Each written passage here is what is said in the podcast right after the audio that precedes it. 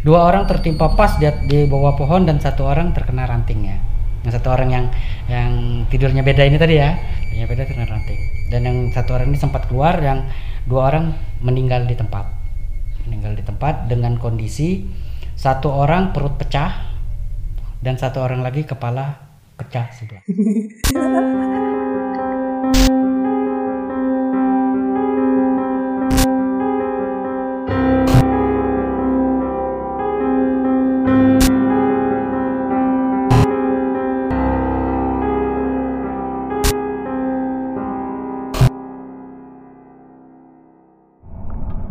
Assalamualaikum warahmatullahi wabarakatuh.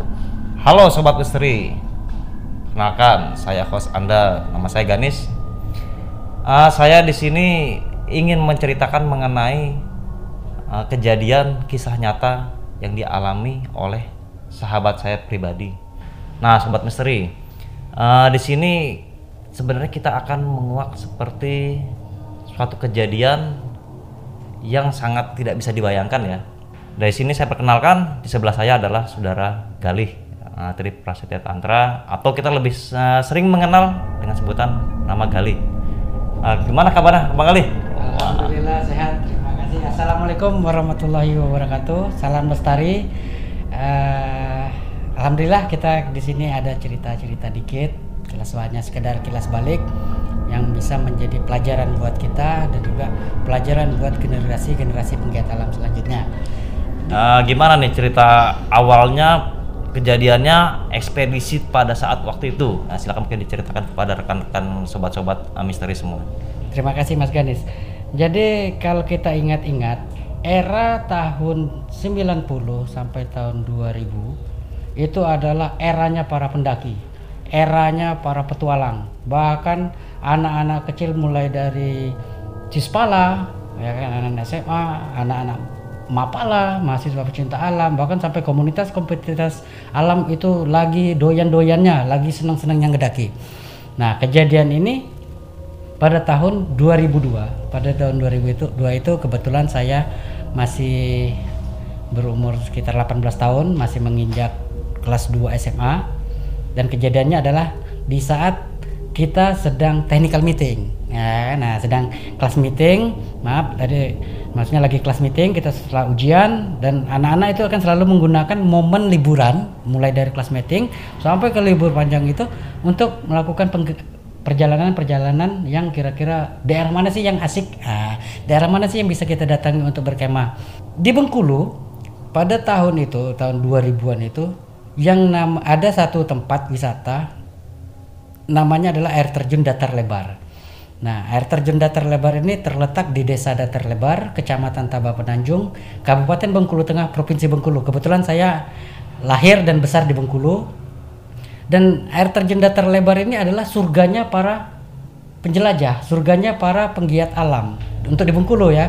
Karena apa? Mereka tidak terlalu suka untuk mendaki gunung dengan yang tingkat perjalanan yang ekstrim, tingkat perjalanan yang melelahkan. Tapi untuk air terjun datar lebar ini kalau kita dari kota Bengkulu itu hanya memakan waktu satu jam sampai ke, keca- ke kecamatan Taba Penanjung itu. Dan perjalanan ke sampai ke air terjun itu hanya memakan dua jam. Jadi untuk para pemula-pemula pun masih bisa terjangkau. Bahkan untuk para family untuk pendaki-pendaki family pun masih bisa terjangkau. Langsung ringkas cerita. Kejadian ini terjadi 2002 di saat kita libur sekolah lagi eranya masanya kelas meeting teman-teman mengajak saya waktu itu mengajak saya karena tahu saya juga sebagai anak pramuka dan anak sispala. Jadi kita aktif untuk pendakian bahkan bisa dikatakan saya juga tiap minggu pasti ada ngedakinya gitu ya walaupun dengan bolos sekolah ini ya tapi jangan ditiru ya teman-teman. Hari Sabtu kita janjian di sekolah hari Sabtu siang kita janjian di sekolah berangkat dari sekolah sampai di air terjun datar lebar itu sekitar maghrib. Nah sebelum sebelum maghrib itu kita sudah masuk air terjun datar lebar dalam mulai dari perjalanan pendakian sampai ke air terjun datar lebar itu kondisi hujan lebat. Kondisi hujan lebat sampai kita mendirikan tenda itu dalam dengan kondisi hujan lebat. Dan baru reda hujan itu sekitar pukul 9 malam. Nah, pukul 9 malam hujan itu reda. Ada salah satu rekan kita yang menyampaikan pesan. Leh jangan diriin tenda di sana. Nah, kenapa? Kata kita baru kata dia tadi di situ barusan ada ranting jatuh di lokasi kita mendirikan tenda itu. Karena ada saran dari teman ini kita langsung bongkar tenda tuh. Kita langsung bongkar tenda kita pindahkan tenda itu. Kita pindahkan tenda itu sekitar jam 9 malam jam 10 selesai udah berdiri. Ada satu rombongan teman lagi dari SMU Negeri 4 waktu itu Eh, teman-teman kita dari SMU Negeri 4 mereka lakukan pendaki- dan apa melakukan pendakian dan baru tiba sekitar jam 10 malam. Jam 10 malam tiba ya kita bersapa ya kan bersapa apa kabar dan segala macam. Tiba-tiba dia mendirikan tenda di tempat kita mendirikan tenda pertama tadi nih yang kita dipesanin katanya jadi di tenda situ. Karena kita namanya anak Citalam saling mengingatkan dong kita saling mengingatkan jangan diriin tenda di sana. Kenapa jawab seperti biasa ya kita tadi kita barusan kejatuhan rating di situ. Tapi ternyata teman kita ini mengabaikan pesan itu. Ah itu kan kalian yang tertimpa. Insya Allah kita nggak ketimpa lagi kejadiannya itu. Ternyata hujan hujan reda sudah sempat istirahat. Ya kan kita mulai udah mulai keluar tenda nih. Udah mulai keluar tenda seperti biasa dengan aktivitas para pendaki yang mulai menyalakan api unggun mulai gitar-gitaran mulai nyanyi bareng mulai bersapa bertawa apa dan bercanda gurau bersama. Sampai akhirnya sekitar jam 12 malam sekitar jam 12 malam aktivitas mulai menyurut. Mulai pada tiap tenda itu sudah mulai mematikan eh, lampu badainya udah mulai ada istirahat. Tapi terdengar sayup-sayup terdengar sayup-sayup di tenda yang yang tadi kita pesankan tadi itu. Mereka melakukan rolling picket jaga malam. Wah. Tapi tetap nih waktu rolling jaga malam itu terdengar juga sayup-sayup dari temennya nih ada yang ngomong nih woi ngapain lo tidur? Ya nah, karena apa? Katanya ngapain lo tidur di sini? Namanya kalau camping itu ya kita begadang. Kalau lo cuma mau tidur di rumah aja. Nah, kan gitu tuh sampai sekarang itu teringat kata-kata ngapain lo, lo tidur? Kalau mau tidur di rumah mendingan di rumah aja nggak usah camping. Tapi ternyata tetap dari lima orang ini tiga orang tidur dua orang jaga piket lampu badai mulai padam hanya tinggal para para piket. Ah, para penjaga piketnya nih malam. Dan suara udah mulai sunyi. Bahkan dan kebetulan malam itu saya yang kebagian jatah piket. Nah dan saya juga secara pribadi lebih suka bentang alam atau tidur di luar tenda dibandingkan dengan harus bergumul dengan teman-teman di dalam tenda yang baunya udah macam-macam ya kan saya lebih suka di luar tenda bermain api dan melihat atau mengawasi keadaan hingga akhirnya sekitar pukul 4 pagi. Pukul 4 pagi itu kita dikejutkan dengan pohon tumbang. Dikejutkan dengan pohon tumbang bahkan satu bumi perkemahan itu semua terbangun dengan dentuman dari pohon ini. Jam 4 pagi itu tiga kali hentakan ke bumi. Semua bertanya ada apa? Ada apa? Ada apa ternyata apa? Ada satu pohon yang kurang lebih besarnya itu dua pelukan manusia dewasa.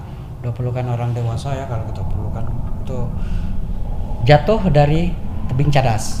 Nah, cuman kalau kita melihat dari kondisi pohonnya adalah pohon yang sudah lama rubuh tapi masih tersangkut di cadas ini tadi.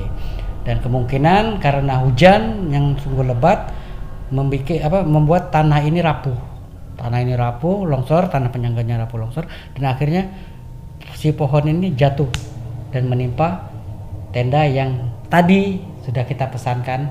Jangan mendirikan tenda di sana ya kan? Yang lima orang ini tadi. Semua terbangun langsung ramai di lokasi di lokasi pohon jatuh. Ada apa ada apa ada apa? Dan situ kita temukan tenda tertimpa pohon Wallahualam astagfirullahalazim ya. Pohon ini ternyata menimpa secara langsung menimpa dua orang. Dan yang dalam kondisi tidur tadi ya bang Chris, yang alhamdulillah yang piket ini selamat nih yang piket ini tadi. Yang piket selamat.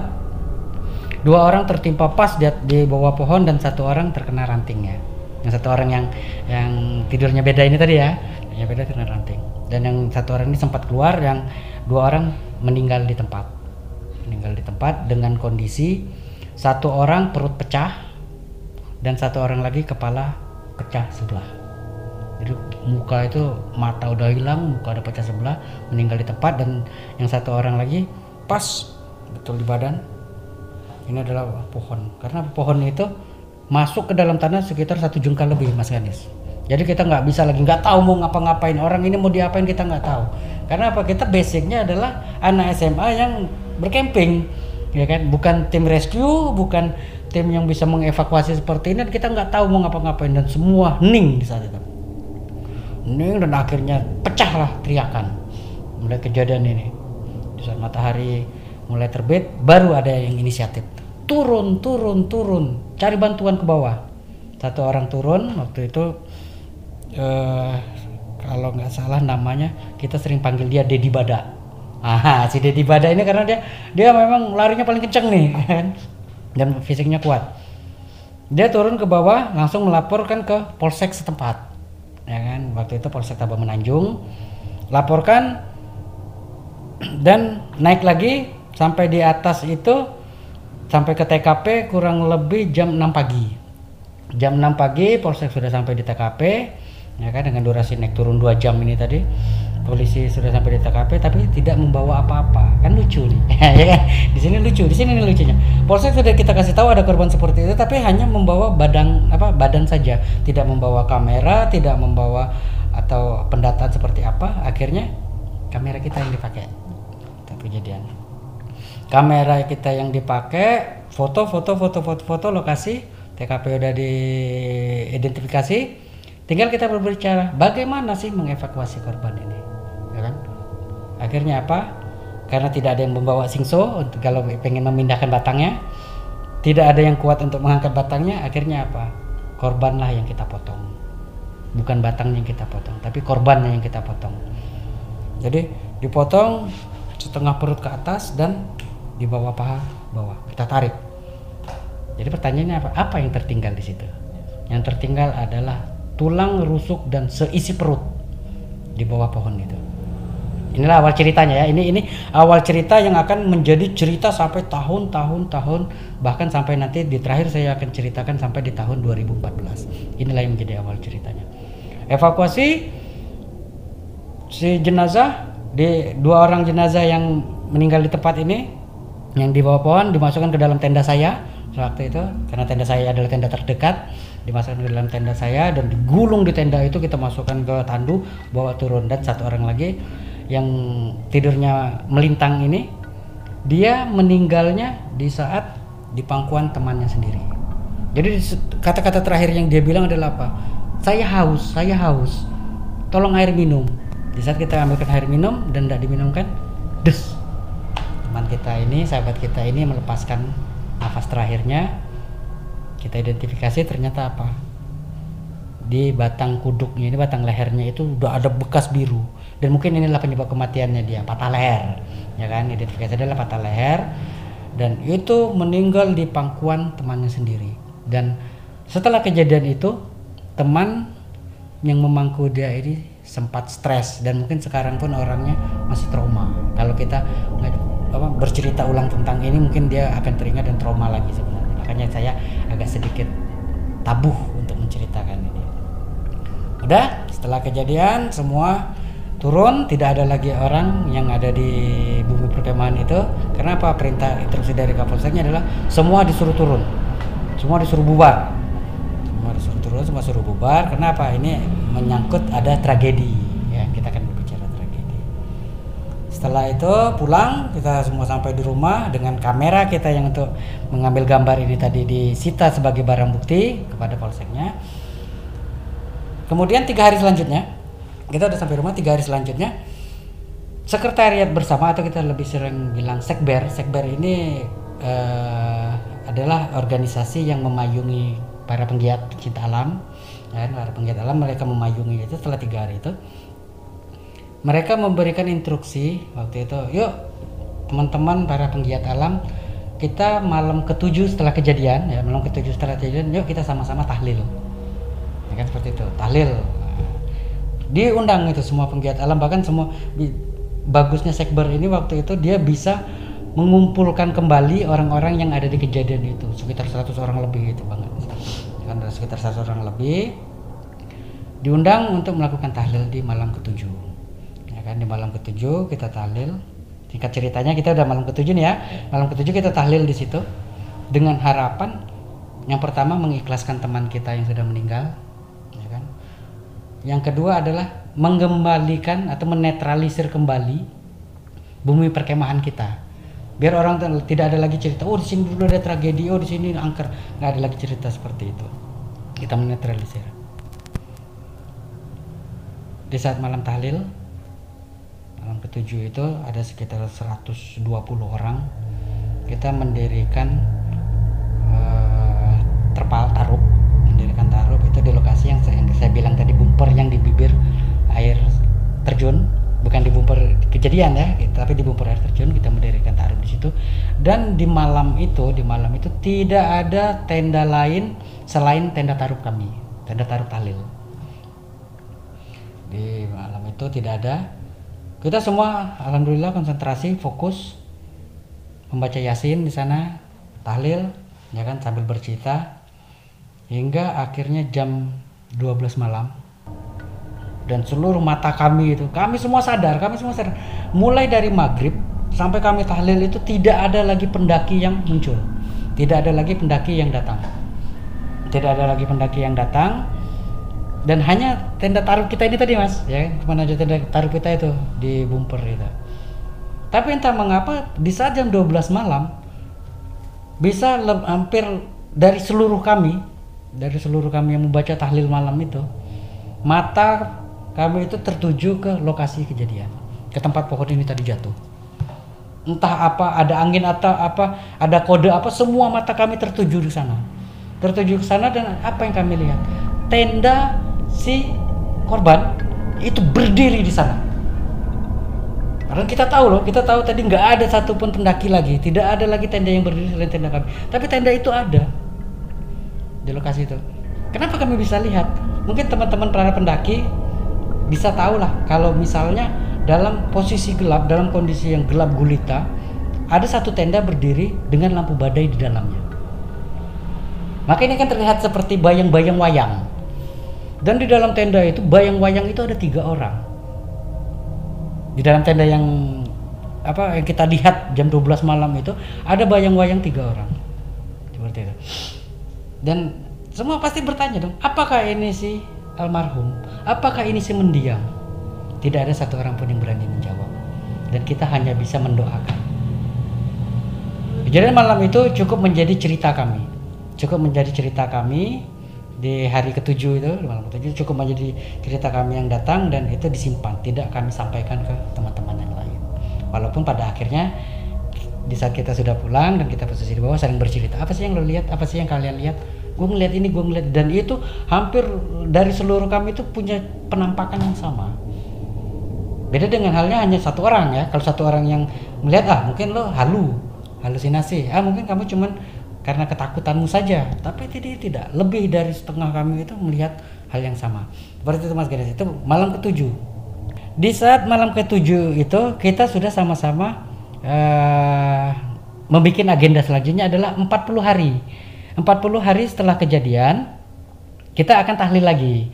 Kita akan tahlil lagi 40 hari sekaligus memasang prasasti sebagai pengingat. Di sini pernah ada tragedi ya. Karena apa? Di saat setelah kejadian bumi perkemahan datar lebar itu dinyatakan ditutup. Ditutup selama 40 hari untuk menghormati almarhum ditutup 40 hari tidak boleh ada pendakian tidak boleh ada aktivitas perkempingan di sana apalagi sampai diklat dan teriak-teriak yang macam-macam tidak boleh ada. Nah sampai akhirnya keluarlah agenda bersama yaitu hari ke-40 kita tahlil lagi hari ke-40 kita tahlil lagi dengan membawa uh, peralatan untuk membuat prasasti di situ. Dan kejadiannya pun ini cukup menarik nih ini kejadian cukup menarik nih ya. Di sana 40 hari di tempat yang sama kita mendirikan tenda tarup dan kejadian masih seperti yang sama. Di malam terakhir itu kita tidak melihat satu pendaki pun melakukan pendakian tidak melihat satu tenda pun berdiri selain di tenda kami. Seperti biasa aktivitas kita ta- tahlil kita baca yasin bersama sampai akhirnya dan kejadian ini terulang lagi jam 12 malam. Jam 12 malam itu terulang lagi tenda itu terlihat lagi tenda gaib ini terlihat lagi. Jadi ini adalah penampakan untuk kedua kalinya dengan penampakan tenda yang sama. Penampakan itu terjadi lagi. Hanya seperti kata Mas Gadis, apa aktivitasnya? Kan gitu. Di aktivitasnya yang di malam ke-40 ini lebih memberanikan diri aktivitasnya. Setelah kita baca sen jam 12 malam, orang tiga yang di dalam tenda ini, yang bayang-bayang di wayang ini, bayang-bayang di dalam tenda itu, keluar berbaris di, di depan pintu tenda dan menghadap ke arah tenda taruh. Dan kebetulan di saat itu mata kita semua tertuju pada tenda itu. Entah apa yang dia pikirkan, entah apa yang mereka lakukan, si gaib ini bertiga itu melambaikan tangan ke arah taruh. Melambaikan tangan. Apakah ini ucapan terima kasih dia? Apakah ini ucapan selamat tinggalnya dia? Ataukah ini sapaan untuk mereka bahwa saya ada di sini. Kita tidak tahu. Tidak ada satu orang pun yang berani memfonis apa pesan yang dia sampaikan. Tapi itulah keadaannya. Hingga akhirnya 40 hari dan kembali cerita itu kita simpan. Cerita itu kita simpan masing-masing dan tidak kita ceritakan kepada yang lain-lain. Karena apa? Kita takutnya kalau kita terlalu mem, mem, apa, menceritakan terlalu membongkar tragedi malam itu, bumi perkemahan yang dulunya ramai ini pasti sepi. Tidak akan ada orang yang berani datang kembali tapi ternyata setelah kejadian pun tetap karena pelakunya banyak dan itu adalah bisa dikatakan hampir seluruh para penggiat alam hadir malam itu dan mereka menyimpan cerita itu. Tidak ada satu orang pun berani tidak ada satu komunitas pun lagi yang berani untuk melakukan pendakian melakukan camping di lokasi. Lokasi kejadian itu bumi datar lebar itu tadi. Setiap hampir setiap malam akan apa ada tiga orang pendaki yang mengetuk pintu mengetuk pintu warga ini. Mengetuk pintu warga dibuka itu tidak ada orang. Kita cerita data terkumpul kita melakukan pendakian. Dengan misi adalah ekspedisi di sini bisa dikatakan kita berarti oh ini berarti memang nantangin nih gitu kan. Dan terakhir adalah terdengar teriakan jeritan orang minta tolong. Timbul pertanyaan apakah ini teman kita yang minta tolong? Apakah makhluk lain yang hanya mengganggu konsentrasi kami? Tapi tetap kami orang enam itu kan berpikir itu teman itu teman tolongin itu teman tolongin. Tapi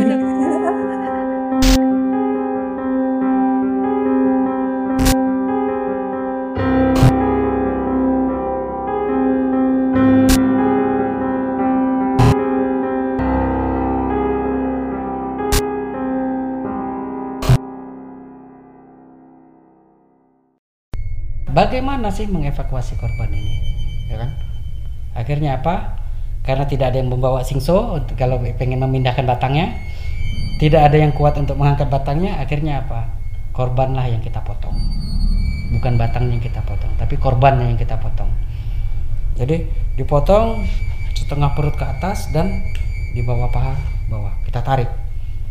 Jadi pertanyaannya apa? Apa yang tertinggal di situ? Yang tertinggal adalah tulang rusuk dan seisi perut di bawah pohon itu.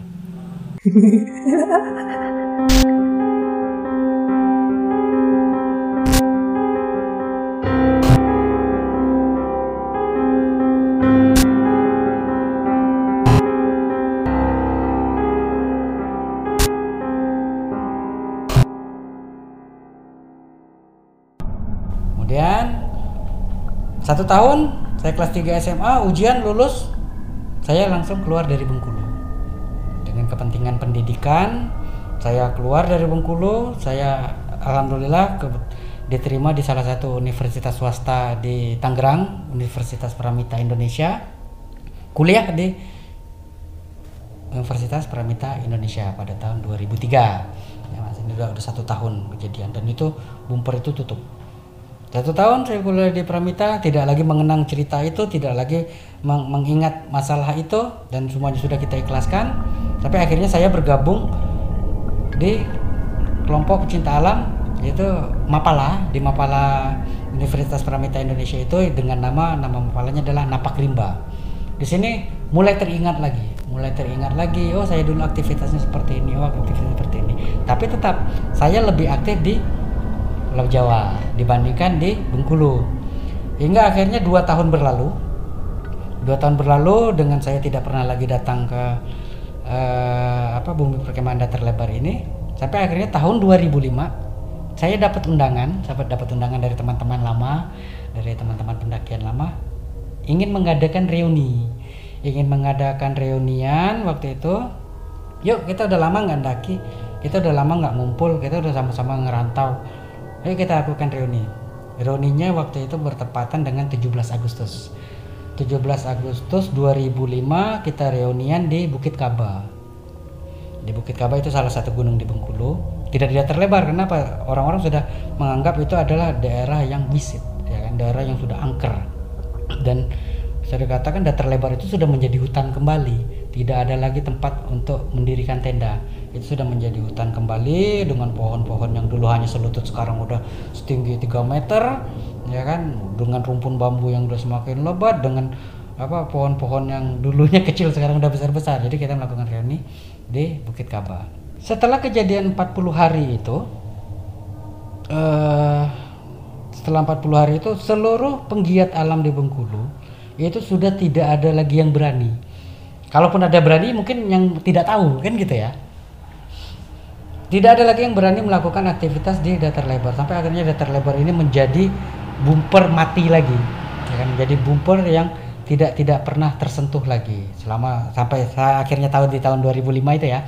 Dan kenapa teman-teman mengajak reuni di 2005 itu di Bukit Kaba ya karena apa? Tidak ada lagi yang berani datang atau mendirikan tenda atau berkemping di datar lebar itu sampai akhirnya timbul wacana timbul cerita apakah ini betul atau tidaknya kita belum ada yang tahu. Di datar lebar itu kita kita ngumpul entah kenapa kita menceritakan itu lagi mas Ganes ya kan? Loh lo orang kok pada ngumpul di sini gitu kan? Kok pada nggak ke datar lebar? Karena saya apa dua tahun di Tangerang. Ya dua tahun di Tangerang tidak tahu lagi cerita tentang datar lebar itu. Dan mereka bercerita. Mereka orang-orang yang tahu tentang tragedi di datar lebar itu bercerita. Leh, nggak ada lagi orang ke datar lebar. Loh. Kenapa? Semenjak lo pergi katanya, semenjak kamu pergi, kamu meninggalkan Bengkulu, datar lebar itu sudah menjadi hutan kembali dan tidak ada satu orang pun yang berani ke sana. Yang pertama, karena memang tahu mereka tragedi itu, ya kan? Mereka adalah saksi mata dari tragedi itu. Yang kedua, bak dari cerita-cerita Eh, orang-orang yang di desa datar lebar itu di desa terakhir itu mereka juga menceritakan keangkeran menceritakan keangkeran mengatakan bahwa setiap hampir setiap malam akan apa ada tiga orang pendaki yang mengetuk pintu mengetuk pintu warga ini. Mengetuk pintu warga dibuka itu tidak ada orang. Ditutup mengetuk lagi dibuka tidak ada orang. Setiap ketiga kali diketuk si pemilik rumah akan bertanya siapa? Mau apa? Kok ganggu kita? Gitu kan. Dan tiga pendaki ini jadi si yang mengetuk itu ini akan bilang kami para pendaki kami butuh beras. Lucu kan? Tengah malam mengaku dia pendaki kami butuh beras. Setiap bukaan ketiga setelah ketukan ketiga dibuka dan betul itu ada tiga orang pendaki. Sedangkan mereka tahu tidak ada lagi para pendaki yang mendaki itu. Dan lucunya itu kejadian hampir setiap malam. Dan dengan pendaki tiga orang pendaki yang sama pertanyaannya apakah pendaki ini si almarhum tadi? Atau ada pendaki lain yang iseng? Kan itu pertanyaannya. Cuman tetap ini akan menjadi momok ini akan menjadi hantu bagi mereka orang kampung. Dan itu tersebar. Berita itu tersebar seantero Bengkulu ya. Seantero Bengkulu ke seluruh para penggiat alam cerita itu beredar. Itulah cerita yang beredar. Nah kita yang di Tangerang kan nggak kesampaian nih ceritanya. Kita yang kesampaian sampai hari reuni itu mereka menceritakan kejadian itu kalau kita berbicara logika bahwa ngapain sih kamu tiap malam daki dan ngapain kamu tiap malam minta nasi ke warga, minta beras ke warga? Itulah yang menjadi pertanyaan. Dan itulah yang dianggap tidak logis oleh warga setempat. Sampai akhirnya timbul bahwa ini bukan pendaki, tapi ini adalah almarhum atau mendiang yang pernah terjadi di saat tragedi itu. Ya, aku teruskan lagi dengan cerita ini tadi, dengan rumor yang beredar di kampung datar lebar itu desa datar lebar dan rumor yang beredar di para pecinta alam, akhirnya kita, aku sebagai saksi mata, ya kan, sebagai saksi sejarah dan menganggap ini adalah teman yang meninggal ini adalah teman kita ya, meninggal ini adalah teman kita dan juga timbullah rasa penasaran. Karena apa? Ini dulu tempat aku main loh ya kan air terjun datar lebar ini tempat kita main. Kenapa kita harus takut ke sana? Ada apa? Pasti ada yang salah. Tapi akhirnya di saat reuni 17 Agustus 2005 itu kita tentukan, yuk kita lakukan ekspedisi waktu itu Mas Gendis. Kita lakukan ekspedisi. Kira-kira siapa teman-teman yang mau ikut untuk kita buktikan betul atau tidak kondisi ini? ya kan apakah ini hanya rumor apakah ini hanya cerita yang dibuat-buat untuk apa untuk membuat datar lebar ini menjadi sepi lagi ataukah ini cuma cerita dari apa pemerintah setempat agar datar lebar hutannya tidak terganggu lagi? Kita tidak tahu. Makanya ada ada ada misi-misi yang kita eh, kita bawa di saat ekspedisi alam gaib itu. Dan di saat itu di datar lebar muncullah enam nama. Muncul enam nama yang bersedia dan yang bisa dikatakan siap dan peduli untuk mengekspedisi datar lebar. Itu salah satunya saya, terus ada Irdian, nah, Irdian, Aldi, Abang Al, dan Ferry. Nah, Ferry dan satu orang wanita yaitu Septi. Septi ini adalah salah satu alumni dari SMA Negeri 4 yang tadi kejadian itu ya, yang si korban ini dan masih temannya. Makanya karena dia mikir oh ini anak SMA gue ini teman gue nih gue ikutlah. Waktu itu si Septi ini. Dia satu-satunya wanita yang ikut dalam ekspedisi itu. Dah kita tentukan tanggalnya kurang lebih satu minggu setelah 17 Agustus kalau nggak salah itu ya kurang lebih satu minggu setelah 17 Agustus kita putuskan kita rencanakan mulai kita manage kapan kita berangkat bagaimana ke dari sana dan apa nanti yang bakal kita lakukan di sana kita skematik udah dalam skemanya dalam skenario nya kita akan melakukan ekspedisi selama tiga malam. Jadi empat hari tiga malam. Nah, karena apa? Kita akan mengumpulkan seluruh data? Berangkat dari kota itu kita setelah zuhur, setelah zuhur kita berangkat dari kota karena kalau kami para pen- penggiat alam di Bengkulu itu jarang ada yang punya kendaraan waktu itu sampai akhirnya kita melakukan eh, perjalanan dengan menumpang, mencari mobil tumpangan, ya, mencari mobil tumpangan, dari dapat losbak ya se- sesampainya aja lah. Losbak ini sampainya mana sih mobil ini, mobil kayak ini sampai mana? Sampai sana. Nanti kita turun nyambung lagi dengan mobilnya. Sampai akhirnya maghrib kita nyampe di lokasi, nyampe di kampung, sampai di desa datar lebar kita maghrib, sampai di sana mulai. Kita mencari informasi di kampung dulu. Kita mencari di desa sekitar dulu. Dan benar seperti rumor yang beredar. Itulah tadi rumornya itu. Dan bahkan mereka menambahkan katanya setiap jam 12 malam itu kita akan selalu mendengar langkah derap langkah orang berjalan di melintasi kampung mereka itu ya kan? Tapi tidak menggunakan penerangan hanya terdengar langkah. Seperti orang hendak melakukan pendakian tapi setelah dilihat ternyata tidak ada. Nah itu itu ada sedikit tambahan. Singkat cerita, data terkumpul, kita melakukan pendakian dengan misi adalah ekspedisi. Di sini bisa dikatakan kita berarti oh ini berarti memang nantangin nih gitu kan. Pengen melihat apakah itu ada, apakah itu tidak ada, apakah ini hanya cerita, apakah ini betul-betul ada. Lakukan pendakian sekitar jam 9 malam dari Desa Datar Lebar melakukan pendakian sampai di air terjun Datar Lebar yang memang betul keadaannya sudah cukup cukup cukup memprihatinkan untuk para pendaki, tapi cukup bagus untuk alam. Karena apa? Hutannya sudah menjadi rimbun, hutannya sudah menjadi asri kembali, sudah menjadi hijau dan tidak ada jalan untuk mencapai lokasi. Kita mulai merintis merintis seingat-ingatnya kita. Oh kayaknya arahnya ke sini deh. Kayaknya ini dulu jalan deh di sini. Kita hanya seingatnya kita saja. Sampai akhirnya alhamdulillah kita sampai di bumper bibir air terjun. Di tempat kita tahlil tadi ini ya mas. Tempat kita tahlil tadi. Dan seperti biasa kita mendirikan tenda itu. Mendirikan tenda di sana mendirikan tenda di sana. Dan selalu selalu dan selalu di saat sampai dengan niat kita apa misi kita tadi adalah ekspedisi dan kita adalah orang-orang yang beriman kita lakukan kita kasih hadiah doa kita kasih talil kita kasih yasin. Ya kan? kita kasih yasin maksudnya agar ya karena dia yang meninggal dari teman kita masa ya kita datang bawa oleh-oleh kan gitu ya. Kita doai dan kejadian terulang kembali kejadian dua tahun terulang kembali. Kejadian dua tahun terulang kembali apa? Tenda. Tenda itu muncul lagi. Tapi hanya bedanya di saat dua tahun yang lalu kondisi sangat terbuka tenda itu jelas terlihat di malam dua tahun 2005 itu yang terlihat apa? Remang-remang api. Dan tapi kita tahu posisi api itu posisi nyala cahaya itu adalah posisinya si tenda kejadian. Nah, dan itu ada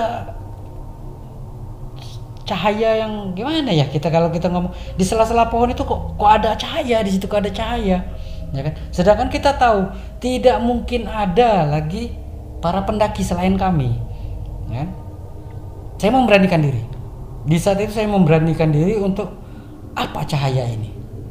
Ya, di 2005 itu apa cahaya ini gitu kan? Kita apa mulai diskusikan dengan teman-teman kalian lihat nggak di atas ada cahaya? Lihat. Semua lihat lihat kata dia gitu kan.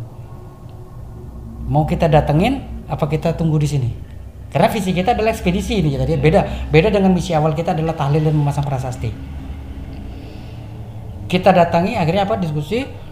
Kita memberanikan diri untuk datang ke tempat ini tadi tempat yang cahaya ini. Set.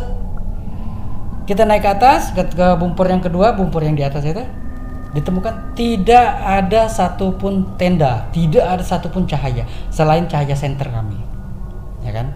Dan hingga kami datang dan per, apa masih menemukan prasasti tempat kita mendirikan untuk sebagai peringatan ini tadi untuk mengenang para almarhum kita dirikan prestasi prestasi itu alhamdulillah masih ada dan masih utuh. Tapi cahayanya tadi hilang.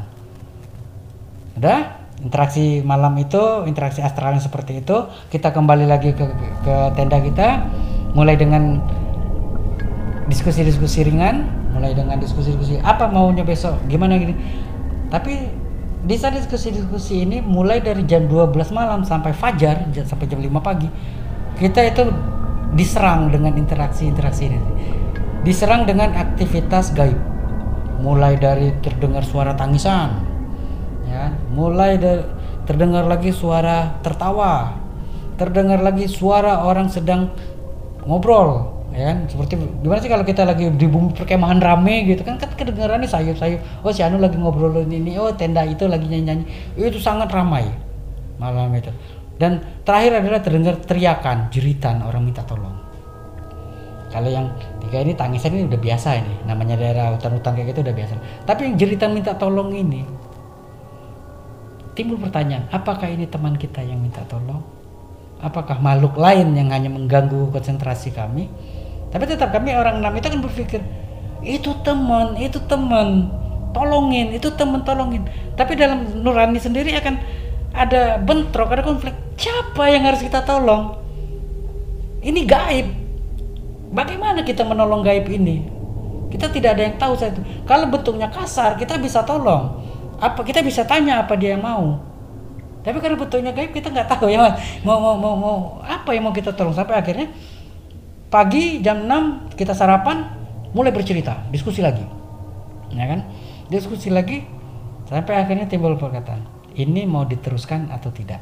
Karena apa? Waktu itu kebetulan saya leadernya dan saya melihat psikis dari teman-teman tim ini sudah mulai terganggu dengan serangan selama dari jam 12 sampai apa jam 12 malam sampai subuh itu tadi psikisnya sudah mulai terganggu. Kita sebagai tim lead harus tanya dong ini mau diselesaikan apa enggak? Akhirnya apa timbul dari teman-teman tidak kuat. Kita mundur. Cukup satu malam. Jangan sampai nanti uh, di saat itu yang kita prediksikan adalah jangan sampai nanti kita diganggu dengan psikis seperti ini kita yang menjadi korban. Karena apa? Ini sudah menjadi hutan belantara lagi. Ini bukan bumper lagi. Ini udah nggak layak untuk ditempatin. Itulah akhirnya misi itu yang kita bawa pulang ke rumah cukup dengan satu malam dengan cerita itu. Yang penting dalam visi apa dalam misi kita sudah terbukti. Si almarhum masih ada dan ini kejadian berturut tuh ini udah kejadian ketiga. Kejadian 40 apa 7 hari kejadian 40 hari dan kejadian setelah 2 tahun. Ini udah tiga kejadian ini dan ini bukan main-main mas. Di saat kamu melihat gaib itu yang tidak kamu kenal kamu akan cuek. Ya kan? Masa bodoh? Gua nggak kenal sama lo. Ya kan? Tapi di saat si gaib ini adalah teman kamu yang kenal dengan kamu dan akan menegur kamu apakah kita bisa cuekin miris kita di alamat itu mir astagfirullahaladzim kok temen gue belum nyampe ke surga? Kok temen gue belum nyampe ke atas? Kok masih nyangkut di sana temen gue udah empat tahun ini gue tinggalin. Di seberang itu ada tiga orang sayup-sayup terlihat ya samar-samar terlihat. Tiga orang ini astagfirullahaladzim kenapa kamu datang lagi? Saya udah pamit sama kamu ini adik-adik kamu. Kenapa kamu datang lagi? Gitu kan? Astagfirullahaladzim. Ini kalau saya ceritanya sampai salah habis saya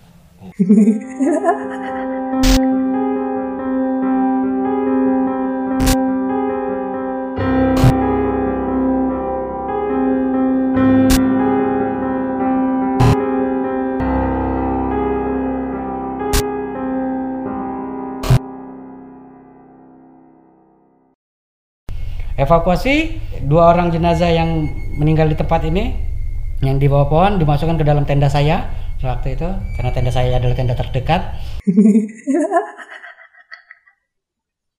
Kejadian terulang kembali. Kejadian dua tahun terulang kembali. Apa? Tenda. Tenda itu muncul lagi. Dan kebetulan di saat itu mata kita semua tertuju pada tenda itu. Entah apa yang dia pikirkan entah apa yang mereka lakukan si gaib ini bertiga itu melambaikan tangan. Astagfirullahaladzim jadi kalau saya ceritanya sampai salah habis saya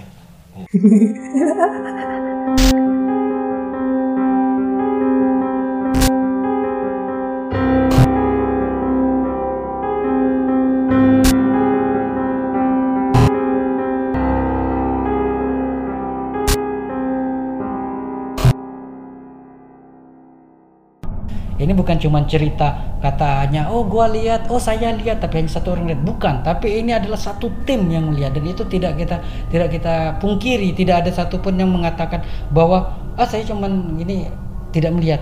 Bahkan si awam orang-orang awam yang tidak bisa melihat pun dikasih lihat. Karena apa? Yang pertama kita tim orang enam ini bisa dikatakan seluruhnya berteman. Kami berteman dan kami ini berteman juga dengan si almarhum dengan visi itu ya mungkin mereka datang. Mereka apa mulai mulai menampakkan eksistensinya. Dan bahasa seperti ini loh. Lo datang ke tongkrongan temen lu masa ya temen lu nggak negor? Nah seperti itu ya mas. Inilah yang membedakan antara di saat kamu melihat gaib itu yang tidak kamu kenal kamu akan cuek. Ya kan? Masa bodoh gua nggak kenal sama lo ya kan? Tapi di saat si gaib ini adalah teman kamu yang kenal dengan kamu dan akan menegur kamu apakah kita bisa cuekin ya kan? Apakah kita bisa acuh tak acuh? Apakah kita bisa berpura-pura tidak kenal? Tidak bisa. Di hati kita akan berbicara ini adalah teman saya ini adalah teman saya. Ya. Tidak bisa lagi itu ah masa bodoh deh lu kenal gua enggak? Nah ini adalah teman saya dan itulah visi apa misi hasil dari ekspedisi kita yang kita bawa pulang ke Bengkulu. Dan itu banyak teman-teman yang bertanya apa hasilnya? Apa hasilnya? Apa yang kalian dapat? Saya pesan kepada teman-teman satu tim ini tolong ini jangan diceritakan dulu. Jangan diceritakan dulu dalam artian karena ini masih panas kondisinya masih panas bola api ini masih panas. Jangan ceritakan dulu biarkan mereka saksikan sendiri biarkan mereka rasakan diri. Kita bilang aja bahwa lokasi ini sudah aman. Tapi ternyata ini tidak bisa tidak bisa menutup kebenaran. Ini tidak bisa menutup suatu kenyataan ya kan? Cerita itu beredar. Dan akhirnya apa? Sepi bumi perkemahan datar lebar tidak ada lagi. Satu orang pun yang berani datang kecuali penduduk setempat yang hanya mencari kayu atau mungkin atau berburu binatang hanya mereka. Dan itu pesan itu pun nyampe ke bawah nyampe ke desa bahwa tidak ada satu orang pun yang berani ke air terjun datar lebar untuk menginap. Jadi kalaupun mereka harus melintas datar lebar air terjun datar lebar mereka hanya berani sampai batas asar. Setelah asar mereka udah harus turun dari air terjun datar lebar. Sudah, kita tutup cerita itu. Kita tutup cerita 2005 karena kebetulan saya juga ada kepentingan pendidikan di Tangerang, saya kembali ke Tangerang dengan membawa cerita gaib ini tadi, dengan membawa pemikiran apa yang harus saya lakukan untuk bumper ini. Karena kita penggiat alam ya, apa yang harus kita lakukan untuk mengembalikan surga kita. Dan itu berpikir seperti itu. Sampai akhirnya 2009 pendidikan sudah selesai ya. 2009 saya kembali lagi ke Bengkulu dengan rasa rindu datar lebar ini tadi ya. Namanya kita penggiat alam dan itu tempat main kita rindu dengan datar lebar ini. Kita ajaklah teman-teman. Ya naik datar lebar ya camping di datar lebar ya aku udah lama nih nggak ke datar lebar. Siapa yang mau ke sana le siapa yang membawa lo ke sana? Siapa mau nemenin lo ke sana? Lo kenapa? Karena kita pikir dengan dari 2000 sampai 2009 itu kan empat tahun. Masa yang empat tahun ini masih dengan cerita lama? Ternyata masih dengan cerita lama. 2009 itu masih dengan cerita lama bahwa bumi perkemahan datar lebar angker angkernya bukan dengan urban legendnya bukan dengan bidadarinya bukan dengan pocongnya bukan dengan tilananya bukan dengan geduru tapi angkernya dengan teman kita sendiri. Kita bisa bisa miris loh. Kok teman gue jadi ngangkerin tempat gue main sih? Kok teman gue jadi penunggu sana? Kan gitu. Miris kita di alamat itu mir astagfirullahaladzim kok teman gue belum nyampe ke surga? Kok teman gue belum nyampe ke atas? Kok masih nyangkut di sana teman gue udah empat tahun ini gue tinggalin. Nah akhirnya saya mulai mengajak anak-anak kecil. Anak-anak kecil di sini dalam artian yang selisih umurnya dengan saya itu jauh. Di saat itu saya sudah uh, lulus kuliah dan teman-teman saya adalah anak-anak yang baru mau SMA nah, baru baru masuk SMA teman-teman adik-adik yang kelihatan mulai uang kita daki yuk kita daki mulai seneng nah ini ada nih yang pengen daki dan mereka tidak tahu cerita tentang datar lebar. Kita ajak berangkat berlima. Mau berangkat ke atas. Berangkat ke atas ya kan? Kita melakukan pendakian dengan lima orang ini. Tapi memang selama pendakian itu hawa itu udah nggak enak banget mas Ganis mungkin apakah cuma perasaan saya saja karena saya yang sudah mengalaminya gitu ya saya mengalami terjadi apa yang kita kan apa? Ini saya bawa anak-anak saya bawa adik-adik. Apakah nanti di atas akan kejadian seperti yang sama? Kan itu yang kita pertanyakan. Kalau kejadian ini seperti yang sudah-sudah berarti yang teman-teman adik-adik kita ini akan terkontaminasi dengan kejadian ini. Perasaan selama di jalan itu selalu mengganggu saya. Mulai dari desa kita lepas dari desa terakhir, uh, kalau kita ngomongin kaki rimba, mulai dari kaki rimba sampai ke terjun itu di hati saya itu ada yang mengganjil bahwa apakah saya akan ditemui lagi? Apakah saya akan ditemui lagi? Apakah saya akan ditemui lagi? Itu yang selalu mengganjil sampai akhirnya kita nyampe dari terjun terlebar dan saya dan teman-teman satu tim yang baru ini tidak ada satu orang pun yang tahu. Kejadian itu tidak ada satu orang pun yang tahu sampai akhirnya di lokasi saya mendatangi di mana apa lokasi kejadian. Di situ juga kita mendirikan prasasti itu. Dan itu saya masih ingat betul karena kita ikut mendirikan prestasi itu. Kita tahu betul titiknya di mana. Astagfirullahalazim prasasti ini hilang. Prasasti yang kita buat itu hilang ya kan? Entah apakah ini kelakuan dari orang-orang yang berpikir ini harta karun atau memang ini dimakan oleh alam atau hilang secara gaib kita tidak tahu. Cuman saya ingat betul di sinilah saya mendirikan prestasi dan di sini tempat kejadian teman kita meninggal. Di situ adik-adik adik-adik yang lima orang ini bertanya mas ngapain kita ke sini? Apa yang mas cari di sini apa? Udah kamu duduk dulu deh gitu. Kamu duduk yuk kita sama-sama berdoa. Berdoa apa, Mas? Kok kita berdoa di sini? Itu dia. Karena mereka mungkin dia di, di mereka ini berpikir apakah Mas Gali ini lagi bertarak, apakah lagi cari nomor togel? Kan enggak. Mereka bertanya, apa kejadian apa yang pernah terjadi di sini? Dari tim ini. Saya cuma bilang, kamu diam ikutin saya. Kamu mau selamat nggak? Ikutin saya. Berdoa. Kejadian ini ya mas, ini, ini, ini membuat saya merinding ini sudah mulai merinding jadi di prasasti itu kita bikin lingkaran kita berdoa. Berdoa kita mendoakan si almarhum bertiga dan sampai akhirnya saya bilang ya kawan kamu sudah punya duniamu sendiri dan kami punya dunia kami sendiri. Tolong kami di sini hanya ingin bermalam hanya ingin camping. Tolong jangan ganggu kami Ya Allah, lindungilah kami, berikan kami yang terbaik dan berikan teman kami yang terbaik. Saya tutup dengan amin. Semua orang lima ini bisa dikatakan hampir serentak mengatakan, Mas jujur, ada apa? Karena apa? Bahasa kita berdoa ini udah beda, ya kan? Mas jujur ada apa mas? Itu gitu. Jadi di prasasti itu mulai saya ceritakan ke mereka. Karena apa? Saya tidak mau teman-teman duduk dengan saya, tidur dengan saya, tapi masih ada satu hal yang tidak saya berikan ke mereka. Masih ada kejujuran yang harus saya simpan ke mereka. Akhirnya apa saya ceritakan? kronologisnya seperti seperti itu. itu dengan kondisi saya bercerita itu masih di tengah-tengah prasasti itu masih melingkari prasasti itu agar tahu ini loh tempat kejadiannya dan ini loh keadaannya sekarang seperti ini miris tapi astagfirullahaladzim di saat saya bercerita itu tanpa saya sadarin awalnya ini tanpa saya karena apa saya fokus bercerita. Si tiga orang ini sudah berdiri di antara kami. Si tiga orang si almarhum ini sudah berdiri di antara kami mengawasi. Jadi posisinya itu di belakang para tim teman-teman ini tadi di belakang ini dan menghadap ke saya. Astagfirullahaladzim.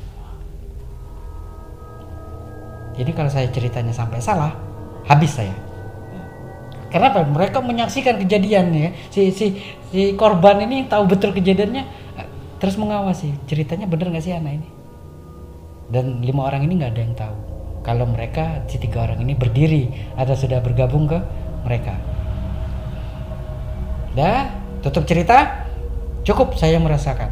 Dan besoknya baru saya tanyakan ke tim. Gimana kemarin? Tadi malam tidur nyenyak nggak? Gitu kan? Enggak mas, kita nggak nyenyak tidurnya Pertanyaannya apakah psikis mereka terganggu setelah saya cerita? Mereka terpikir ya kan oh ini ada kejadian gini-gini atau mereka betul-betul diganggu oleh si gaib. Tapi kalau kalau saya pribadi akan berpikir biarkan mereka simpan sendiri. Apa yang terjadi sama mereka biarkan mereka simpan sendiri. Masalah nanti dia mau tetap datang ke sini, masalah nanti dia cukup sampai di sini itu urusan mereka. Tidak bukan urusan saya lagi. Udah tutup cerita 2009 uh, sebentar. Saya mungkin yang sedikit mengganjal. Pada saat itu kan mungkin niatnya baik ya. Kita yeah. mendoakan mereka pada saat itu ya dengan tim yang terakhir. Mereka datang seperti apa kondisinya? Atau mungkin dengan pakaiannya dan mungkin dengan setelan masih seperti anak gunung kah? Atau seperti apa itu bang Ali? Ya, terima kasih. Di saat 2009, di saat 2009 mereka kondisi mereka masih cukup baik, Mas. Kondisi mereka cukup baik seperti para pendaki biasa, ya kan? Cukup baik. Tidak tidak tidak ada yang aneh dengan mereka. Seperti para pendaki biasa, tapi saya tahu itu adalah teman saya, itu adalah teman saya. Dengan melihat perawakan dengan perawakan badan mereka, dengan gaya mereka berdiri, dengan gaya mereka duduk, itu tahu itu teman saya Nah, untuk ini kejadiannya mulai terulang kembali kalau Mas Ganis mau tahu nih di saat 2014.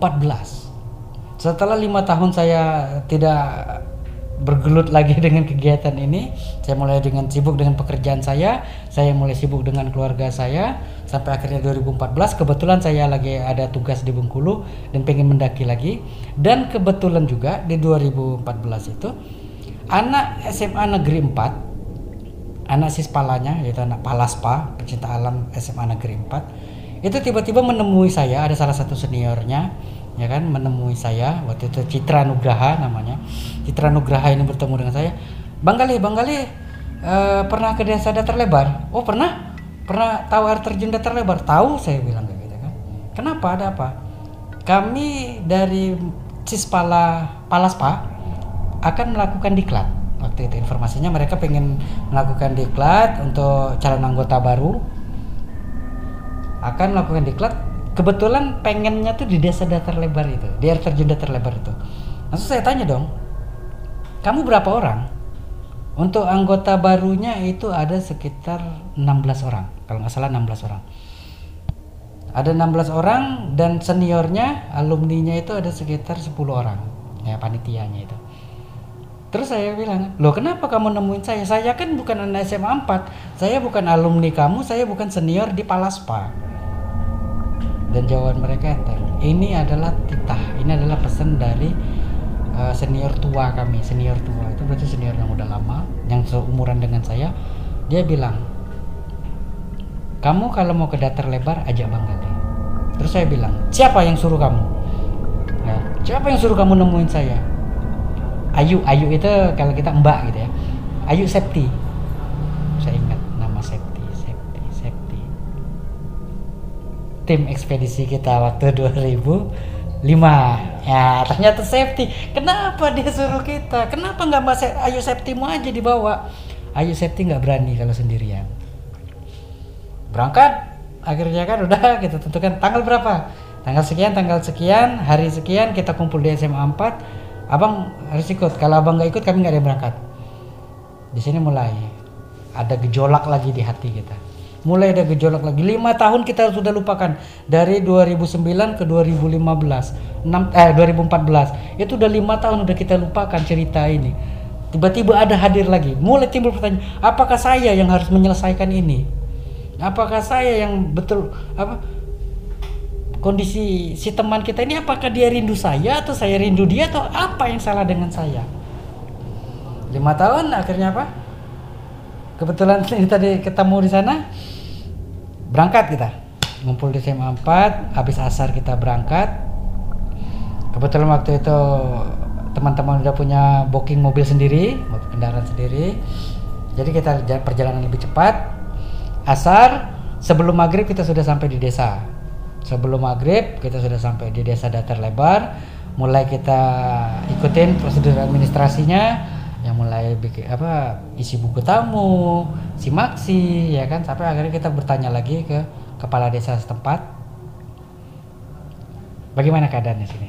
Ah di sini mereka bercerita lagi Lih, karena aku udah udah kenal ya sama kepala desa ini udah udah udah akrab, udah sering gitu, udah sering datang dan aku selalu menyapa mereka.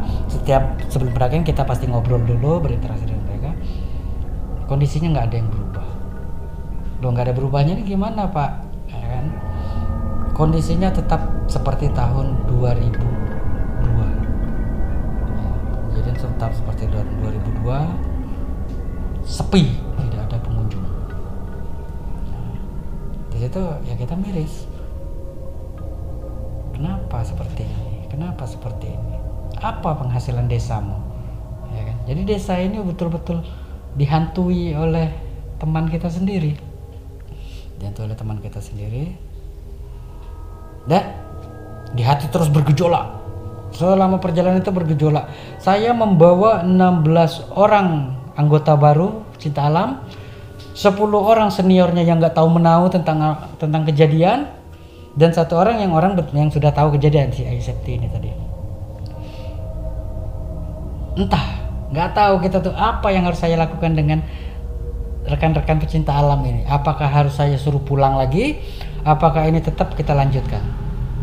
Sampai akhirnya mulai di, kita briefing kan habis maghrib kita briefing sama teman-teman eh, teman-teman panitianya teman-teman seniornya ini adik-adikmu ini bakal kita bawa ke lokasi kejadian di mana kejadian itu adalah senior lu sendiri yang mati. Senior kalian yang mati di sini yang meninggal di sini adalah senior kalian. Timbul gejolak baru. Itu tadi saya bilang mas. Kalau si hantunya ini kita nggak kenal kita masa bodoh ya kan? Kalau hantunya ini atau si gaibnya ini hanya cerita mereka masa bodoh tapi kan timbul gejolak di teman-teman. Hantu ini senior gua loh. Hantu ini senior gua. Dia dan kita kan berpikir namanya senior pasti akan menegur si adik-adik juniornya. Di sini yang, yang menjadi dilema. Menjadi dilema berat. Lanjutkan tidak lanjutkan tidak lanjutkan tidak. Apa kita pindah lokasi atau kita di sini saja?